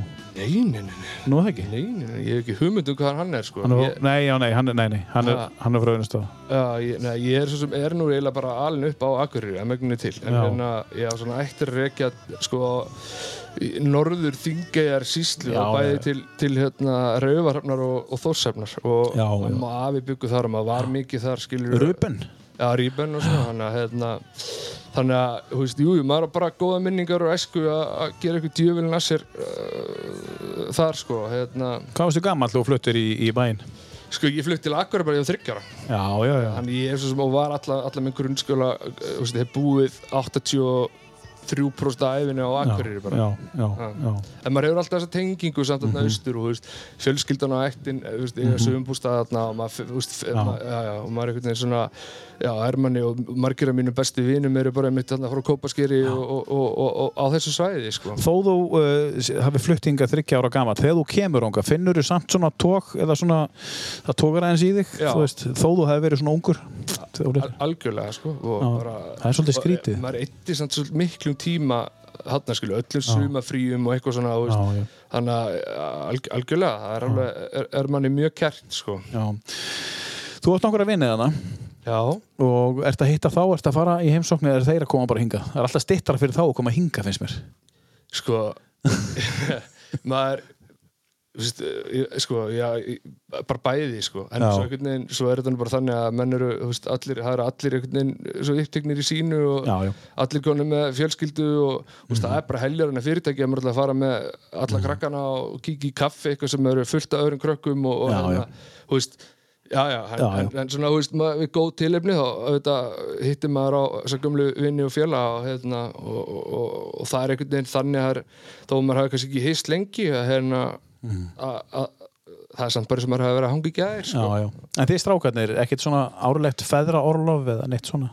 Nei, það hefur ekki, ekki verið sko allavega ekki, ekki síðustu Hittast á. Húsavík? En ég meina, þú veist, einmitt maður er að fara að spila fyrir austan eitthvað svona, þú veist, að koma þetta þessi, þessi vinnir og, og svo leið sko og hérna, þannig að það er alltaf jafn ánægilegt að, og, og, og gaman að hitta, hitta og svona. Svo áttu fullt af vinið minna á Akureyri, þú ert vinamargur eða ekki? Þetta ekki, Jú, þú veist, allan að, þú veist, já, ég, þek, ég þekki mikið af fólki hérna, en ég er samt líka sko, er ég bara svona daldið ennfæri sko í þú veist, maður er kannski virkar hress og, og kátur svona út af því en veist, ég, ég, ég veist, mjög notalegt að vera bara heima á mér og, og að dunda mér í mínu sko. Lík, líka þegar varst einn? Já, ég, ég Finnst það gott að vera einn? Já, mér veist hérna svona, ég mætti alveg verið dugleri að- að að svona halda svona að sinna þessu félagslega sko en þú veist, ég er bara sáttir í mínu ég hérna, náttúrulega, þú veist, svona mitt þú veist, ég á góða vinnufélaga og, og hérna og svo náttúrulega maður í þessari hljómsveit anguverð og það er svona, þú veist, það er eins og að vera í góðum saumaklúbbi sko, eða þannig. Og hérna og svona er manni mjög kært og svo þetta maður, þú veist, sína, sína vini. Og svo maður fullt af kunningum en hérna en hérna og, og, fjö- og fjölskyldu náttúrulega Já, já, líka. það fyrir svolítið mikið. Já, já, en maður mætti alveg vera duglir samt ég, veist, alltaf veginn að hérna, svona, já, ég ætla að vera duglir að hafa samband og, Einmitt. eitthvað og, hérna, Svo eru áttu, áttarið bara á því þótt fjögur börn og, eða þú veist, já, það eru fjögur börn í, í vinnu og bara, þú veist, nóg að gera Já, sko. nóg að gera. En eru þið ángurverði, er það að æfa einu sinni í viku eða er eitthvað svona, neða, nú, nú kannski er eitthvað um að vera hjá okkur. Já, við, við, við ætlum að Nú í gigg, að- Já, sumar. nákvæmlega- Við, hérna, uh, við vorum á tímbili alltaf bara með fast eitt kvöld í viku þess að við hittumst og, og svo Mhm. höfum við tekið að það er eitthvað, svona eitthvað sem, að, sem að við erum að fara að gera og við kannski tekið svona helgarbúðir Já, já, og erum við, hérna, og við erum með sérst, Borgar, Borgar Þórensson sem er, er hinn gítarleikarinn í Ángaverð hann, hérna, hann er bara mjög, mjög flott og öflugt stúdíó bara hljóðver á hérna, laugum Reykjadal og Já, við, já. sérst, við æfum þar og tekið upp þar líka og hérna, það er svona bara já, það er bara mjög notalegt bara keira á lauga og fyrir þá kannski að fáum okkur að borða saman og, tökum svo góða æfingu og hérna, eða, eða upptökusessjón eða hvað sem það er sko. og svo bara heim. svo bara heim, bara 40 myndur að keira og, og. Bara gleð og gaman Já, gleð og gaman. Mm. Æðislegt og, og, og, og vel mætt, allir mæta. já, yfirleitt sko. Já, já. en svo eins og síðustu mánuð þá hefur þetta samt verið veist, öð, öðruvísi sko. Já. en, en svona við vorum að tala um það bara í gær að hérna, ætlum að fara að festa okkur aftur sunnudagskvöld Hvað ætlið að gera? Um, hvað, hvað ætlar ángurverði að gera? Um, hvað langar ykkur að gera? Hva, hva, hva, hva, hvers konar band langar ykkur að verða? Sko, langar alltaf bara að- sko, gefa út plötu við eigum efni í heila plötu. Hérna, uh, þannig að það er svona það er alltaf draumurinn og, og Mhm. þegar ég tala um plötu þá veit ég hvort ég er að tala um vínilplötu eða geisladisk eða bara Spotify eða, eða, eða, eða hvað það er mm það væri ótrúlega gaman að eiga einhverstar bara uh, pressaðan vínil með, með steffinu sem maður Mhm. Geggjað. gerði og, og, og lagði. Þannig að okkur langar auðvitað að gera það. Svo náttúrulega er algjör ununa að- hérna, að spila á tónleikum. Það er náttúrulega er, það er óbúslega gaman og hérna og auðvitað langar mann að gera meira af því sko. Og hérna og við svona allavega ef, að- ef að þetta ef að svona þetta COVID er að hætta og, og, og þessi, þessi bjartari tíma framöndan þá auðvitað stefnum við á að halda bara áfram að, að hérna að gera það og við tala um það að fa- fara kannski næsta haust og, og halda ykkur tónleika og Já, já, gera eitthvað. Suður Nei, við reyndar ekkert rætt Nei. það sérstaklega en veist, það er alveg, það er alveg möguleiki. bara þeir sem vilja Já. Þannig að það er með besta tónlistar uh, hús, má segja, á, á Íslandi, það er að segja græni, það er að segja, ef maður miðar út frá tónlistarfólkinu sem að síni því áhuga að koma engan orður og spila á þessum einstaka stað. Já, við þurftum að, við höfum ekki spila á græna það, það er, það er, ég hef svo alveg spilað þar áður, en hérna, það er einhver, það er einhver sjarmi þar sem er bara hvergi annars þar. Einmitt, Það einmitt. og svo náttúrulega haukur tryggvað sem er með þetta er sem ekki toppnáðingi og þetta er bara, já, það er einmitt eitthvað svona sem er öllum akkuriningum kært og bara Mhm. öll, öll, veist, það er bara frábært starf sem, sem hefur verið þar síðustu árin. Haukur alltaf er mynd að sitja í þínu sæti eftir sléttavíku. Já, það verður það mjög góð þáttur. verður gaman að heyra hérna, hvað hann er að hlusta á. Nákvæmlega.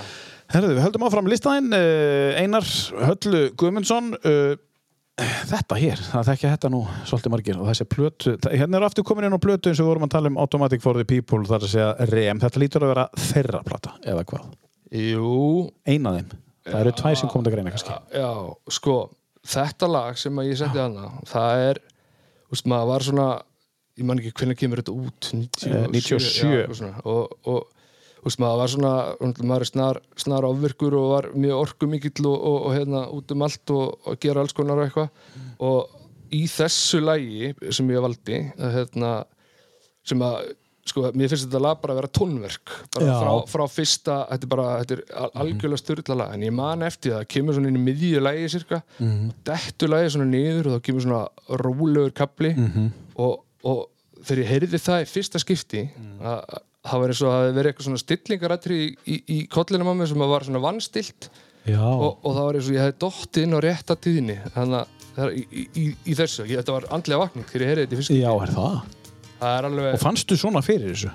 Já, ég bara, ég náði bara, ég bara datt algjörlega inn í þetta lag og, og þessi rólegi kapli, hann bara einhvern veginn sigraði mig, sko, algjörlega. Og hérna og Þetta þetta, lag, þetta lag er, er, myndi ég segja, bara eitt af betri lögum sem að hefur verið samið, sko já, það er svoleiðis. Enda er þetta mjög ofal á listanum. Um, Paranoid Android uh, Margir vilja kalla þetta þetta séu tvö að þrjú lög í einu lagi. Uh, Já, allir ekki. og, og svona svipa á hérna, Bohemian Rhapsody með Queen. Þrýr hittarar í einu já Þessi, þessi, hérna, þessi rólegi kapli sem kemur hérna, með öllum röddunum og því, það er bara reynum að ná því hérna á eftir. Hlustum á, á, á glefsu, förum aðeins inn aftur og reynum að ná því, leiðum þess að bara rúla hérna eins með að við erum að spjalla líka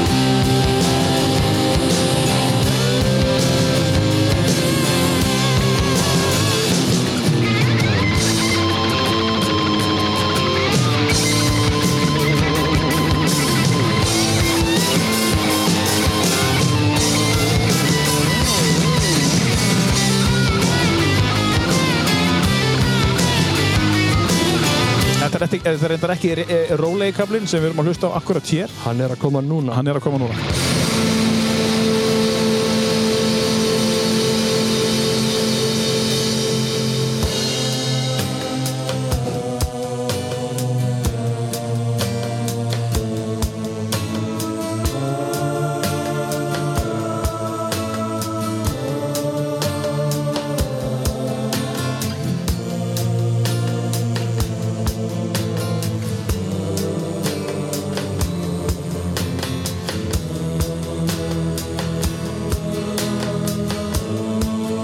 Sittur þetta á mótið mér en einar, hann er með gæsa húð.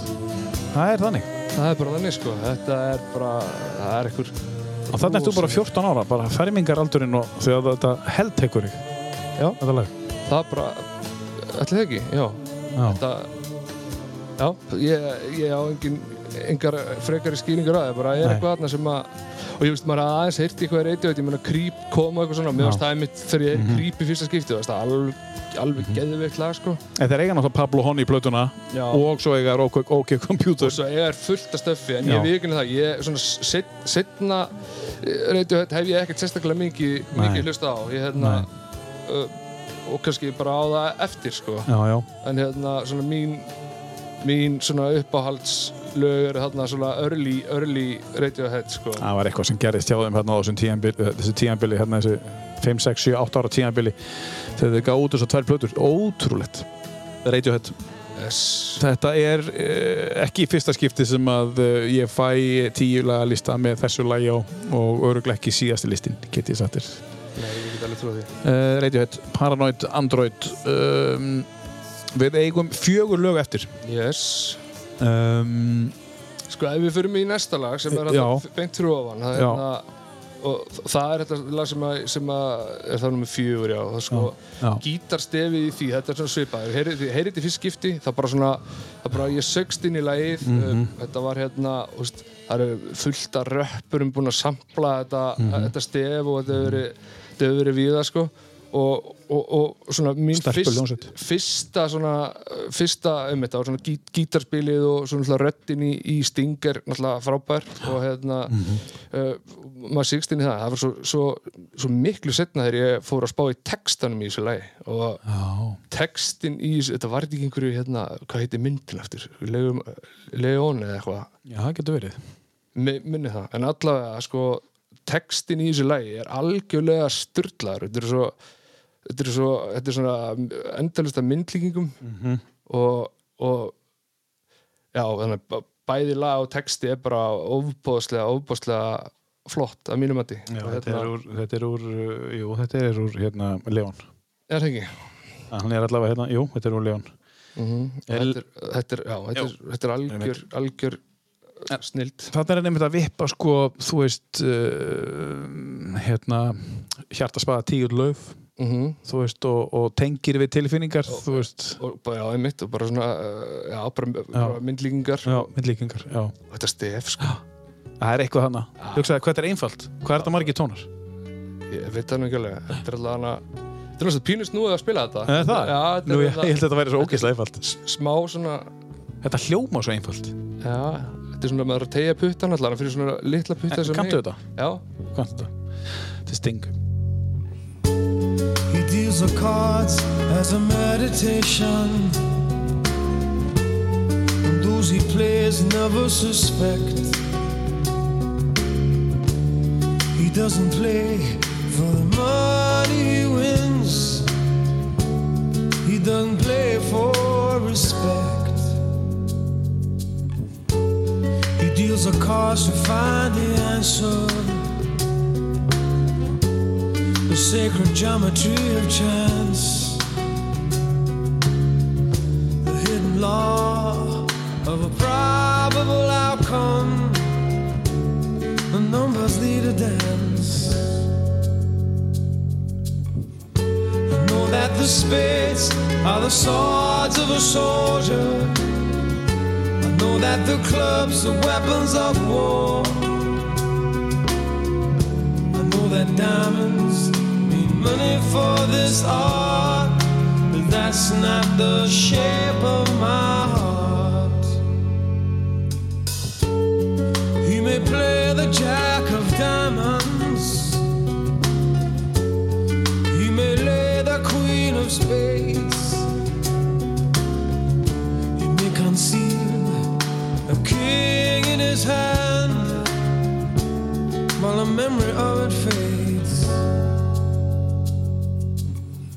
Þetta er tekið af plötunni Ten Simonis Tale sem er, uh, já, þetta er þessi plata sem að uh, maður myndi svona mæla með hlustandi góður og þú myndi bara fara inn á uh, Spotify eða hvar sem þú hlustar á tónlistin eða Deezer eða Tidal eða hvað það er og bara íta á play, ekki shuffle play hvað finnst þér um það?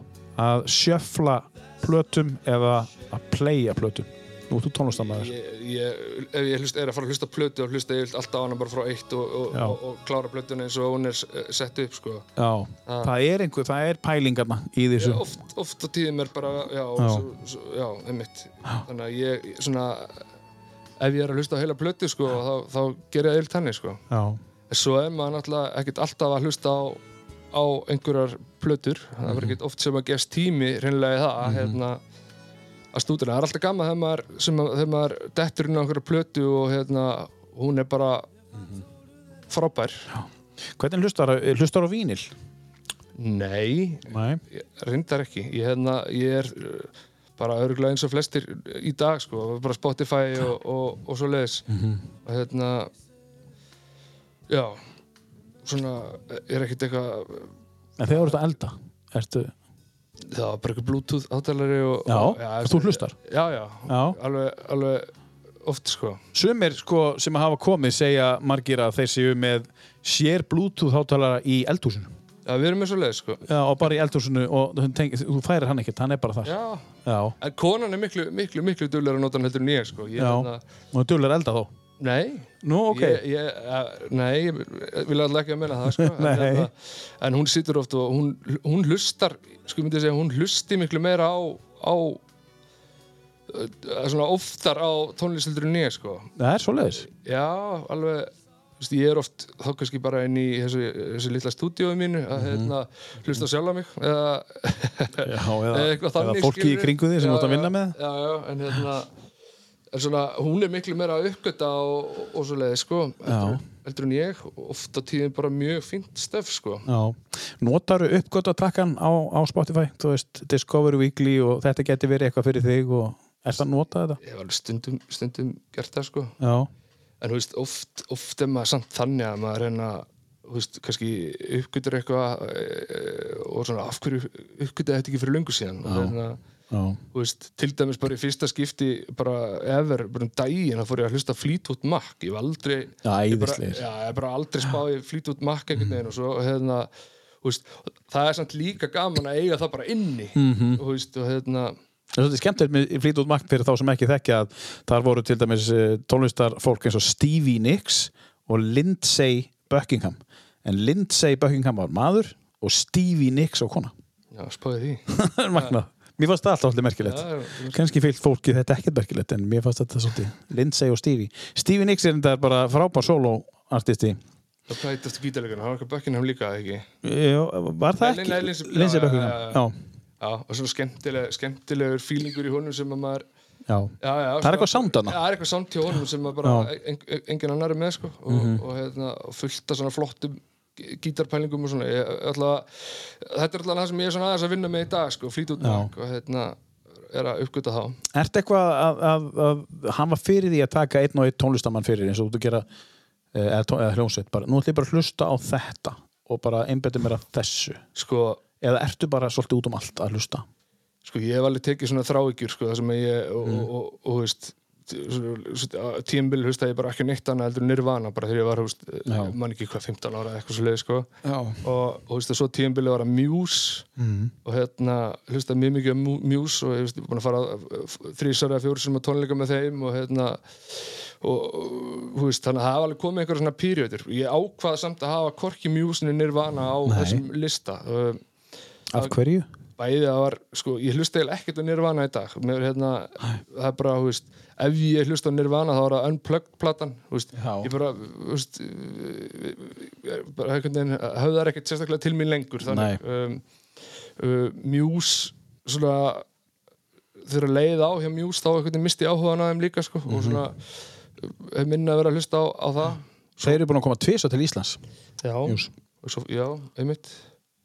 Og já ég, fór, já, ég fór á tónleika með þeim hérna á Íslandi og svo fór ég líka fór á tónleika í Danmörku. Já, með þeim, búin að sjá tvisar já, eða, nei, þrísvar Já, hvað ertu búin að sjá annað hérna á, á, á, á hans og talar um þrjú efstu lögin ertu búin að sjá eitthvað live hann já, þú sagði bara nei við Guns N' Roses þú fórst ekki á tónleikana? Fór ekki tónleikuna og, Nei. og það er hann í fyrsta, fyrsta sæti. Þar hef ég þar hef ég farið og ég hef reyndar ekki séð þessa heild alla saman Nei. á sviði en ég hef séð alla sem að voru í því bandi Vá. á sviði einhver tíman og hérna hef, hef já, farið, farið erlendis og hérna ég skal segja bara frá því að betur á eftir já, já. Mm. En, en hérna frá 10, 9, 8, 7 uh, Rem, Nei, Dire Straits Jeff Buckley, nei ekki, Radiohead, nei ekki neitt, nei Uh, og ekki Sting, ekki sting, nei. Nei. En hver er næstur? Þetta er eitthvað sem að ég þekki ekki.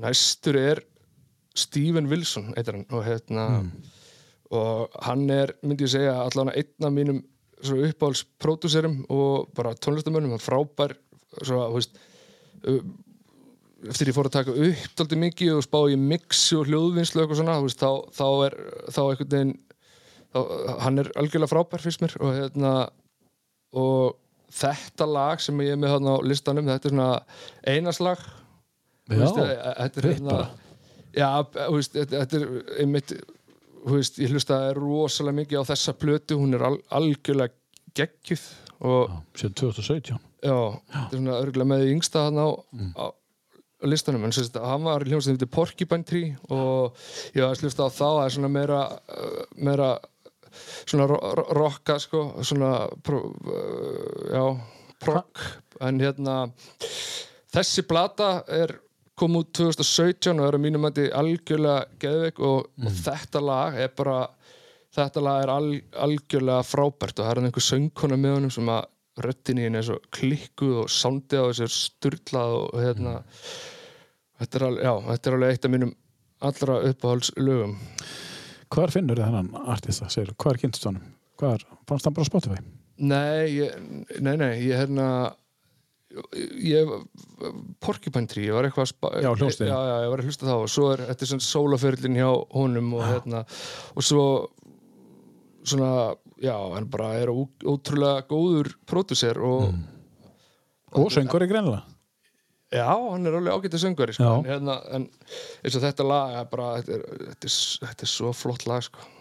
hérna, Hún er með honum Ninette Tayeb Nú frekar óþekkt veit ekkert hver það er sko. ég, en, en hún er mjög sæt og fín og syngur óbúslega vel og hérna Svo gaman þegar maður sér hérna einar svona, svona artista sem að eru hann er með 530.000 month- monthly listeners sem er bara mjög gott já, þú getur lifað vel á því. Og hún er með um 100.000 þessi Ninette Tayeb og það er samt þekkja þetta mjög fáir. Já, þetta lag er, er, er eitthvað sem mér finnst að allir ætti að fíla. Og hérna Já, það er bara skildu Já, já, já, og svo er svona, það er- eitthvað svona, sko, headroomi sem maður skilur eftir fyrir epíkina í endanum, mm Mhm. veist, þetta, er, þetta er svo vel gert, sko, að öllu leiti finnst mér. Við ætlum að leifa þess að fara svolítið vel á stað og hlusta vel á Stephen Wilson og Ninette Tayeb Læg heiti Paraya á plötunni To The Bone síðan 2017 It's much too late. The words stay in my head.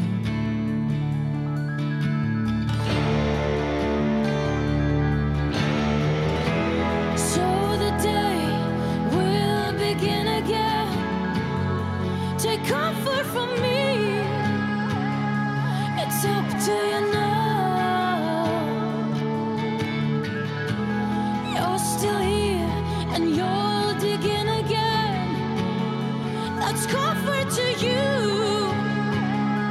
It's up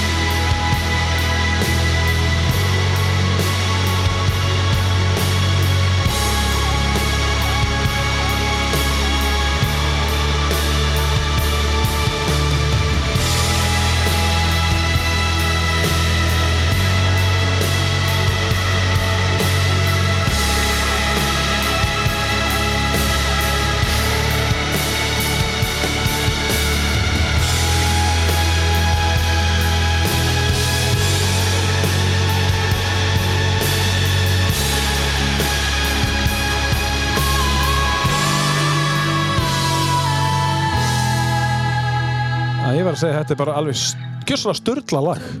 Og, Síkala og þetta þessi kapli sem við vorum að hlusta á hann á núna Þannig í lokin, þetta er, já, þetta er alveg, þetta er magnað. Venjulega væri búin að draga fyrir nýri lögum sko, þú veist, við, þú veist, bara svona til að halda flæðinu en, en það var ekki hægt þarna. Þú sagði bara, þú verður að leifa þessu að, að vera. Og ég skilði bara mjög vel. Þetta er bara virkilega smekklegt og, og, og velgert og þetta er útsetjari, svona í grunninn þessi gæi Já, ég veit svo mikið alveg nákvæmlega, já, og hérna bara, og, ut, þetta er bara, ég veit ekki, bara allt sem Já. hann einhvern veginn snertir á fyrst mér vera smekklegt og fáað og velgert og hérna, s- soundið og öllu hjá honum er einhvern veginn alltaf tipp-topp og þetta er svo, þetta er svo vel slípað og, og, og, og bara, já, bara geggjað, sko. Þetta er bara eins og eina af mínum hetjum, sko. Stephen Wilson Og þetta er ekkert, rosalega margir sem vita skilur hver hann er, uh, veist, Nei.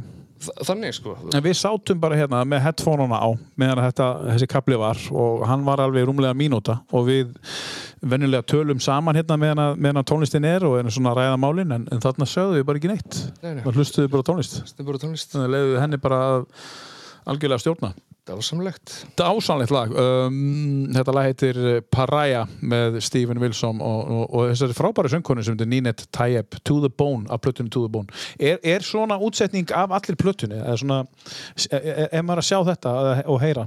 þessi plata er bara, bara frábær þegar ég, þegar ég heyrið hana í fyrsta skipti þá hérna mér tringdi í borgar vinn minn sem að, sem að Já. MMR í ángu var og hérna við erum svona sálu, sálubræður hvað var að tónlist og svona og hérna og þá var ég nýbúin að aukvita þessi plötu og hann var líka að hlusta á hana og, Já, fyndið. og hann, hann sagði sko á hann að keira upp víkuskarið Mhm. eða eitthvað hérna og þetta er fyrsta skipti bara í, í 20 ára eða eitthvað sem að ég bara vil alltaf fá meira og meira. En hann var að hlusta plötuna bara, og, og, og einhvern veginn sko þegar mér- finnst eitthvað eigi að koma í einhverju lægi þá bara kemur það. Skilur þú það bara Já, eins og í þessum kapla, það var ris og svo var ris og svo fór þetta herra og herra og herra og herra ég bara hvert ætlar hann að fara sko, þú veist? Ná, nákvæmlega. Og, fór bara herra og herra og, og þessi plata, plata er algjörlega frábær.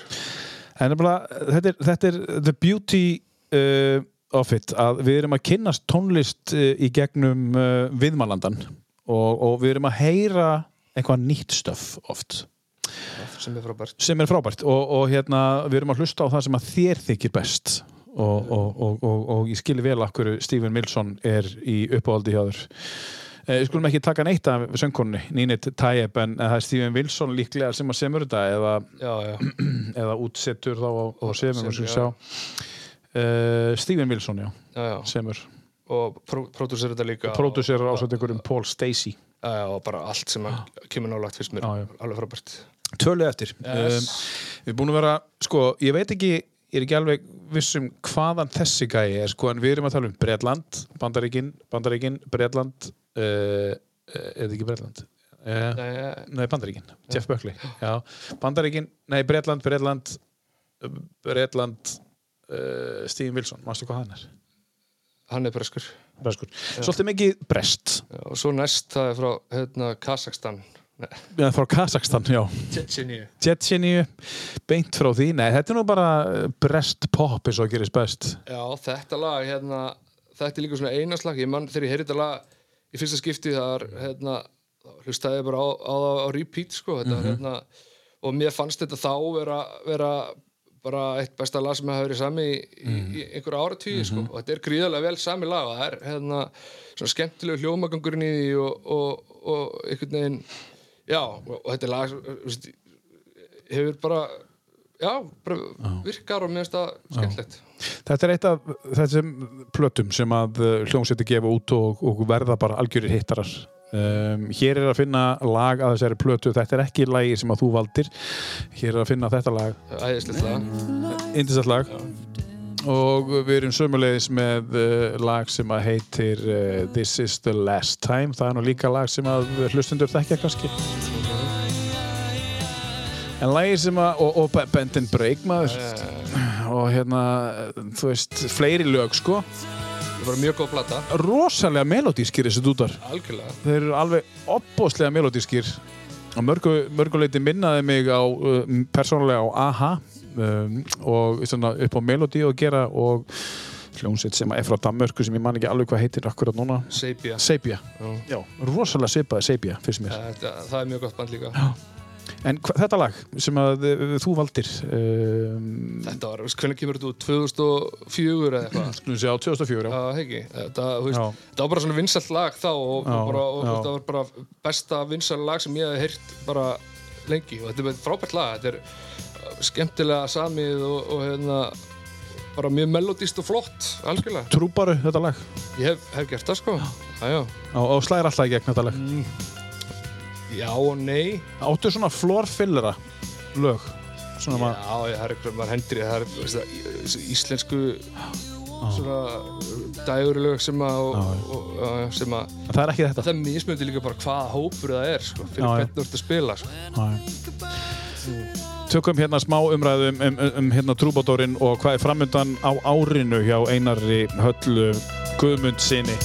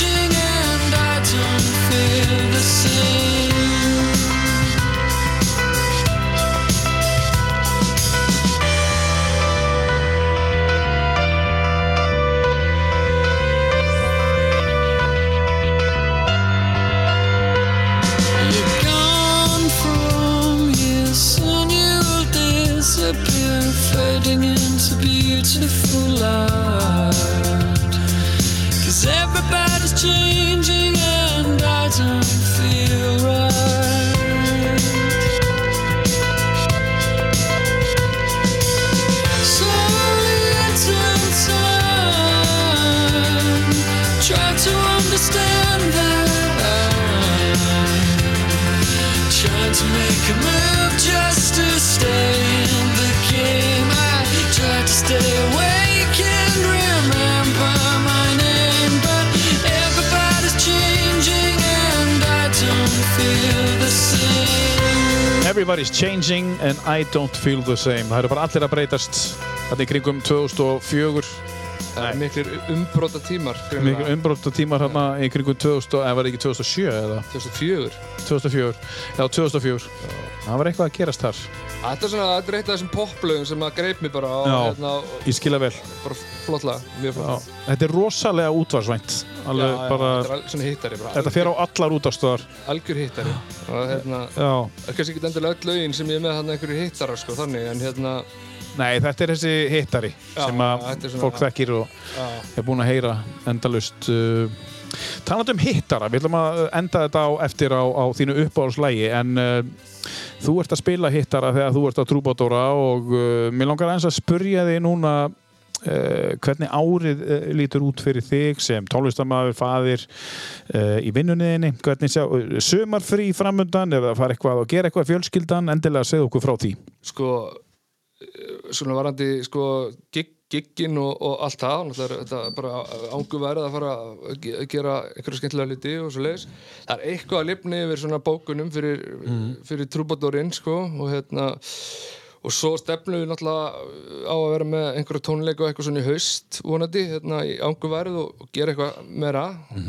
Og hérna þannig að ég, ég, ég er rauninni bara bjart sín og, og, og bara eh, held að það séu bara bjartari og, og betri tíma framöndan fyrir alla. um, varandi, varandi sko já, um, veist, maður heldur bara áfram með sínu það er ekki spurning. Og hérna maður er á leiðinni í langt sumafrí og fæ einhver lof og ætla bara að hugsa, um, hugsa um eh, grísina mína sem maður getur. Og hérna og fara í einhver ferðalög og, og, og, og gera ger hérna bara að njóta og vera til sko. Tekur uh, þá bara innanlands? Já, Já. já, já, maður nennir ekki að fara með fara í, í einhverja langar reysur í flugvélum og Nei. eitthvað með það er um, Ertu í fjallihísi eða tjaldi eða tjaldvagni eða hjólísi eða bara í bílnum? ég hérna Eða hús- já, já, gistiheimili? svona, svona fellihísi það er, það er leiðilegsta sport sem að ég hef nokkuð tíma komið, komist í tæri við sko. þetta er bara ég, ég, ég veit ekki, ég myndi ekki óska sko, ég, ég, ég skil ekki ég skil ekki sjármann við þetta sko. að, að, Þú vilt bara fá upp á búið og þú vilt fá morgunmatt Já, ég, það væri alltaf best, Já. skilur en hérna uh, sko ég, ég, ég sumbústæðar típan, sko. Ég er mjög, mjög gaman að fara í, í hérna, bara þessuna einhverja, einhverja svona uh, orlofs, orlofsbústæði, skilur í hinga og þanga eitthvað, svo náttúrulega pappi á mjög flottan bústæði í, í Grímsnesi og það er mjög gaman að, að fara þanga og, og svo á, á fjölskyldan og ættin fyrir austan uh, bústæði, veist, ég er mjög, mjög gaman að svona, það, Já, ég vil kannski svona smá komfort Já, já, já, já. Að- Ég er ekki mjög gaman að vera inn í einhverju sig og það er, kemur smá vindur og það er eins og híminn og jör sig að farast og með einhverja gasmiðstur sem að hýtar þetta ekki almennilega og þetta er Er- bara vesen Er þetta þroski? Ég veit það ekki, það var vannfroski eða eitthvað Ég, ég, ég, ég, En hefur alltaf verið svona? Eh, Hvað með tjald, tjöldin og útiháttir í gamla dag og skýtsama? ég held að sé bara best að vera í tjaldi ef maður að fara í einhverju svona útilegu pakka á annar borð, bara vera bara í svona gömlu appisnuguli svona, svona hérna svona- Skátatjaldi. Já, já, já, já, með, með vondri lykt í já, já, já. Það er nöðsulegt. já. En fínt líka að hafa einhvern aftur í sem að setja tjaldi saman fyrir mann Já. og tekur það uh, hérna, söndur. Já, Svona bara, það er- herri, það nú er er þú einhvern sem þú býður með bara svona, En auðvitað þarf maður kannski eitthvað að fara að endur sko þetta, þetta, þetta hefur sér sko með þessi börn og, og, og, og krakkarnir hafa örgulega gaman að fara í útilegur og, og vera með hjólísi eða eitthvað. Og maður skoða Mhm. það bara þegar það kemur sko. En ég er, ég er ekki, ég, ég, ég er útilokað ekki að, að maður veri kannski bara komið með eitthvað stórt og mikið fara í kerruprófið og rísa hjólísi og eitthvað einhvern tímann sko mm. Mér, mér, mér heyrist það svona öllu að þú sett að taka hjólísi sem að opna svona til já, já. markísu og Já. fortjaldi og upplásni uppblásnu, já. Já. En svo er það veturinn, menna, hver er tilfinningin þín? Er voruð það að koma? Eða eigum eftir að fá eitt, tvö, rétti viðbútt? ég, ég veit það ekki sko ég, Hver er tilfinningin? finnst, já, ég held að sé bara þetta er bara eftir að vera, vera svona mild og þægilegt næstu, næstu miseri Já, já, það er einhver, já, það er einhver svona bjart sín í manni sko. já, já. Það búið að vera indislegt viður uh, hérna fyrir norðan síðustu vikurnar og, og, og það er þess að sé ekkert lát á. já, Snjórin að hverfa, já uh, ekkert allir sem að f- fagna því, fagnar þú snjóleysi? Já, í, í byggðinni. Í byggðinni, já. já en, en til dæmis ég er mjög gaman að fara á snjósleða og eitthvað svo Já. þetta, hérna, auðvitað er það svona, já, það þarf snjó til þess. Að líka maður það líka eiga snjósleða til þess ég, ég á nú ekki svo leið lengur. En, hérna, en ég skil mjög vel alla svona fjallamenn og, og, og snjósleða garpa Mhm. og svona, vilja þetta hafa snjó og, og gleð og gaman. Herði, það er komið að síðasta læginu já. Hvað getur þú sagt okkur um þennan risastóra smell sem þú setur í fyrsta sætið sem þitt Hvað, er þetta uppáðslægið? Já, ég, Já. Ég, ég hugsa það ég hérna, sko það er ekkert launingamála hérna, uppáhaldsnjóðusti mín allra tíma og það er Pink Floyd og ég hérna, það voru nokkur ár þar sem ég hlustaði bara Pink Floyd, ég hlustaði ekki á neitt annað sko, bara, ég bara, þú veist, og það voru að tala um ég bara, ég, ég drakk í mig einhvern fróðuleik og, og, og spáði í öllu sem að við kom þeim og stopnaði mér sér að hérna, Pink, Floyd, Pink Floyd tribute band og við vorum hérna bara í svona algjörum svona nördisma sko og hérna þannig að þú veist, það er örgulega ekkert band í heiminu sem hefur heldtekið mig jafn mikið og, og Pink Floyd. Og hérna og það er þannig ástriða fyrir Pink Floyd ég, þú veist, hérna þú veist, það var fyrir, ég man ekki fyrir þrejum, fjórum árum eitthvað, þá var, eh, var hérna það voru síndir tónleikar uh, með David Gilmour sem voru síndi bara einu sinni í bíói Veist, við flugum söður til þess að fara í háskóla bíó bara til þess að sjá Vá. þetta skilur og hérna ég er búinn að fara þú veist, búinn að sjá alla í Pink Floyd spila en hérna Live. Já, live, en ekki, ég hef ekki séð Pink Floyd en ég séð Roger Waters og, og Nick Mason og Richard Wright og svo hérna, svo fóru ég og borgarvinu minn fórum hérna til Verona á Ítalíu og fórum í, í, í hringleikus eins og Óperósið já, hérna hringleikus sem er svip- svipað þess að Coliseum. Á henni í borginni á Já, og fórum, fórum þar á David Gilmour tónleika og við erum báðir svona miklu David Gilmour aðdáðendur og hérna fórum og sáum þetta legend og þessa góðsögn og hérna Heyrið þið þó allt þetta stöf, taka þér þetta? Tók, já, já, já, og, og, og þegar hann tók þetta lag þá bara gréttu við báðir bara fullandi menn og bara stóðum hann Það var næsta Í- spurning. í bara geðsræningu bara hérna þetta var bara toppurinn svona just, í mínu lífi. Að kannski þegar maður hefur eignast börnin og eitthvað svona skilur. Svo er það bara að hafa farið þessa tónleik. Þetta var bara, þetta var bara og öll ferðinu þetta var náttúrulega frábær sko. Og hérna, Þú upplifið basically bara Ég trú ekki í séðan að fá að upplifa þetta. Já bara, Ég bara því ekki. Var bara Og þess vegna koma tárin. algjörst, já, bara, þetta var mjög stekt sko, þetta er tveir fullandi menn og, og, og stóðum hann í einhverju hringleikus í Verona og, hérna, og verið að spila bestalagi heimi og, og líka comfortably numb komast, við, vorum- bara svo, við vorum bara svo við værum bara á einhverju, við vorum bara að faðmast og þetta var bara, bara Þið voru bara high on life Þannig sem maður segir bara algjörlega, þetta Já. var bara eitt, eitt, eitt, eitt magical moment sem að maður hefur upplifað sko.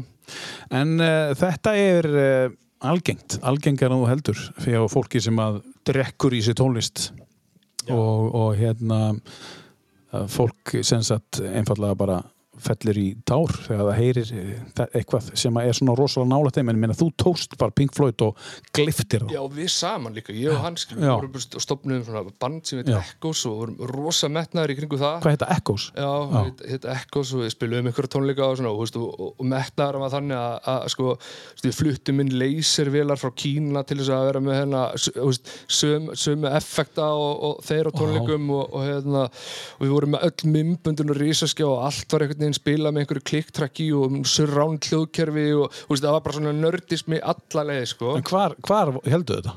Við vorum með tónleika til dæmis, við spilum á græna hattinum einhvern tímann Vá. svo voru við í Ídölum Einar, ætlaði að einar, einar bræði heitin kom og var að spila saxofón og voru með badnakór og, og, og, og, bara fórum alla leið með þetta sko. Hvenær ætlið að taka þetta aftur? við höfum oft talað um það sko. Já, þetta, það verður að taka þetta aftur Þetta hlýtur að hafa verið full house þetta var algjörlega geggjað sko. og hérna, mjög gaman sko. en veist, þetta þetta svona já, ég man eftir, veist, við, ég á einhverju vídeoaupptökur sko, af, af tónleikunum hann í Ídölum og þá vorum við að spila það voru introið í Shine on You Crazy Diamond eða eitthvað og hérna og veist, einhver myndavel sem er hann að taka, taka þetta upp og veist, svo eru bara einhverju bændur hann úr aðaldal. Og já, herru, hann var að fá sér nýjan hérna setor hann unni gamli í gröf og voru þeir bara að tala um einhvern búskap og, og veist, aldrei vissi ekki hvað Pink Floyd var. Mættu bara Hvað þegar það voru tónleikar í sveitinni. Og alveg heilluðust. Nei, þeir eru engan að fá þessi hérna, heilluðust af, af, af traktorunum í kring. Já, já, heiskapnum og svona heiskofnum en þetta er að sjálfsögulegi Wish You Were Here. Uh, veistu um hvern þeir eru að syngja? Sko, sko Ekki eru? Já, já ég rauninni er, er sko, einhver skýring allan á því sem að þeir hafa gefið út er að þeir, þeir voru að gera þessa plötu að, hérna, að þeir voru einhvern veginn ekki á staðnum það voru kominir einhverju brestir í samstarfið og eitthvað svona sumir hafa viljað menna að þetta væri um, um hérna, Sid Barrett sem var fyrstur í Roger Waters uh, hefur sagt að þetta sé um kaldast eða, veist, þannig að, nei, ég veit ekki nákvæmlega um hvað það er. Hérna, Þetta er um eitthvað, eitthvað persónlegt af því að þegar þú semur svona meistarastekki þá er þetta eins nærri og mögulegt getur orðið held ég. Já, þetta er bara æðislegt lag. Einar Höllu Guðmundsson, takk fyrir að koma. Og var frábært að hafa þig Takk innilega fyrir bara að fá mig og þetta er bara mjög gaman. Og gangiði vel í, í öllu sem þú taka þér fyrir hendur og nýja blöttunum með Angurværð og, og spilirinn í, í næsta haust með það og giggin í sumar vonandi að halda þau öll. Takk sem við leiðis, kallið minn. Og hérna takk fyrir að koma aftur og, og kæri hlustandi, takk fyrir að hlusta á tíu bestu og aftur takk æðislega fyrir að hlusta á tíu bestu.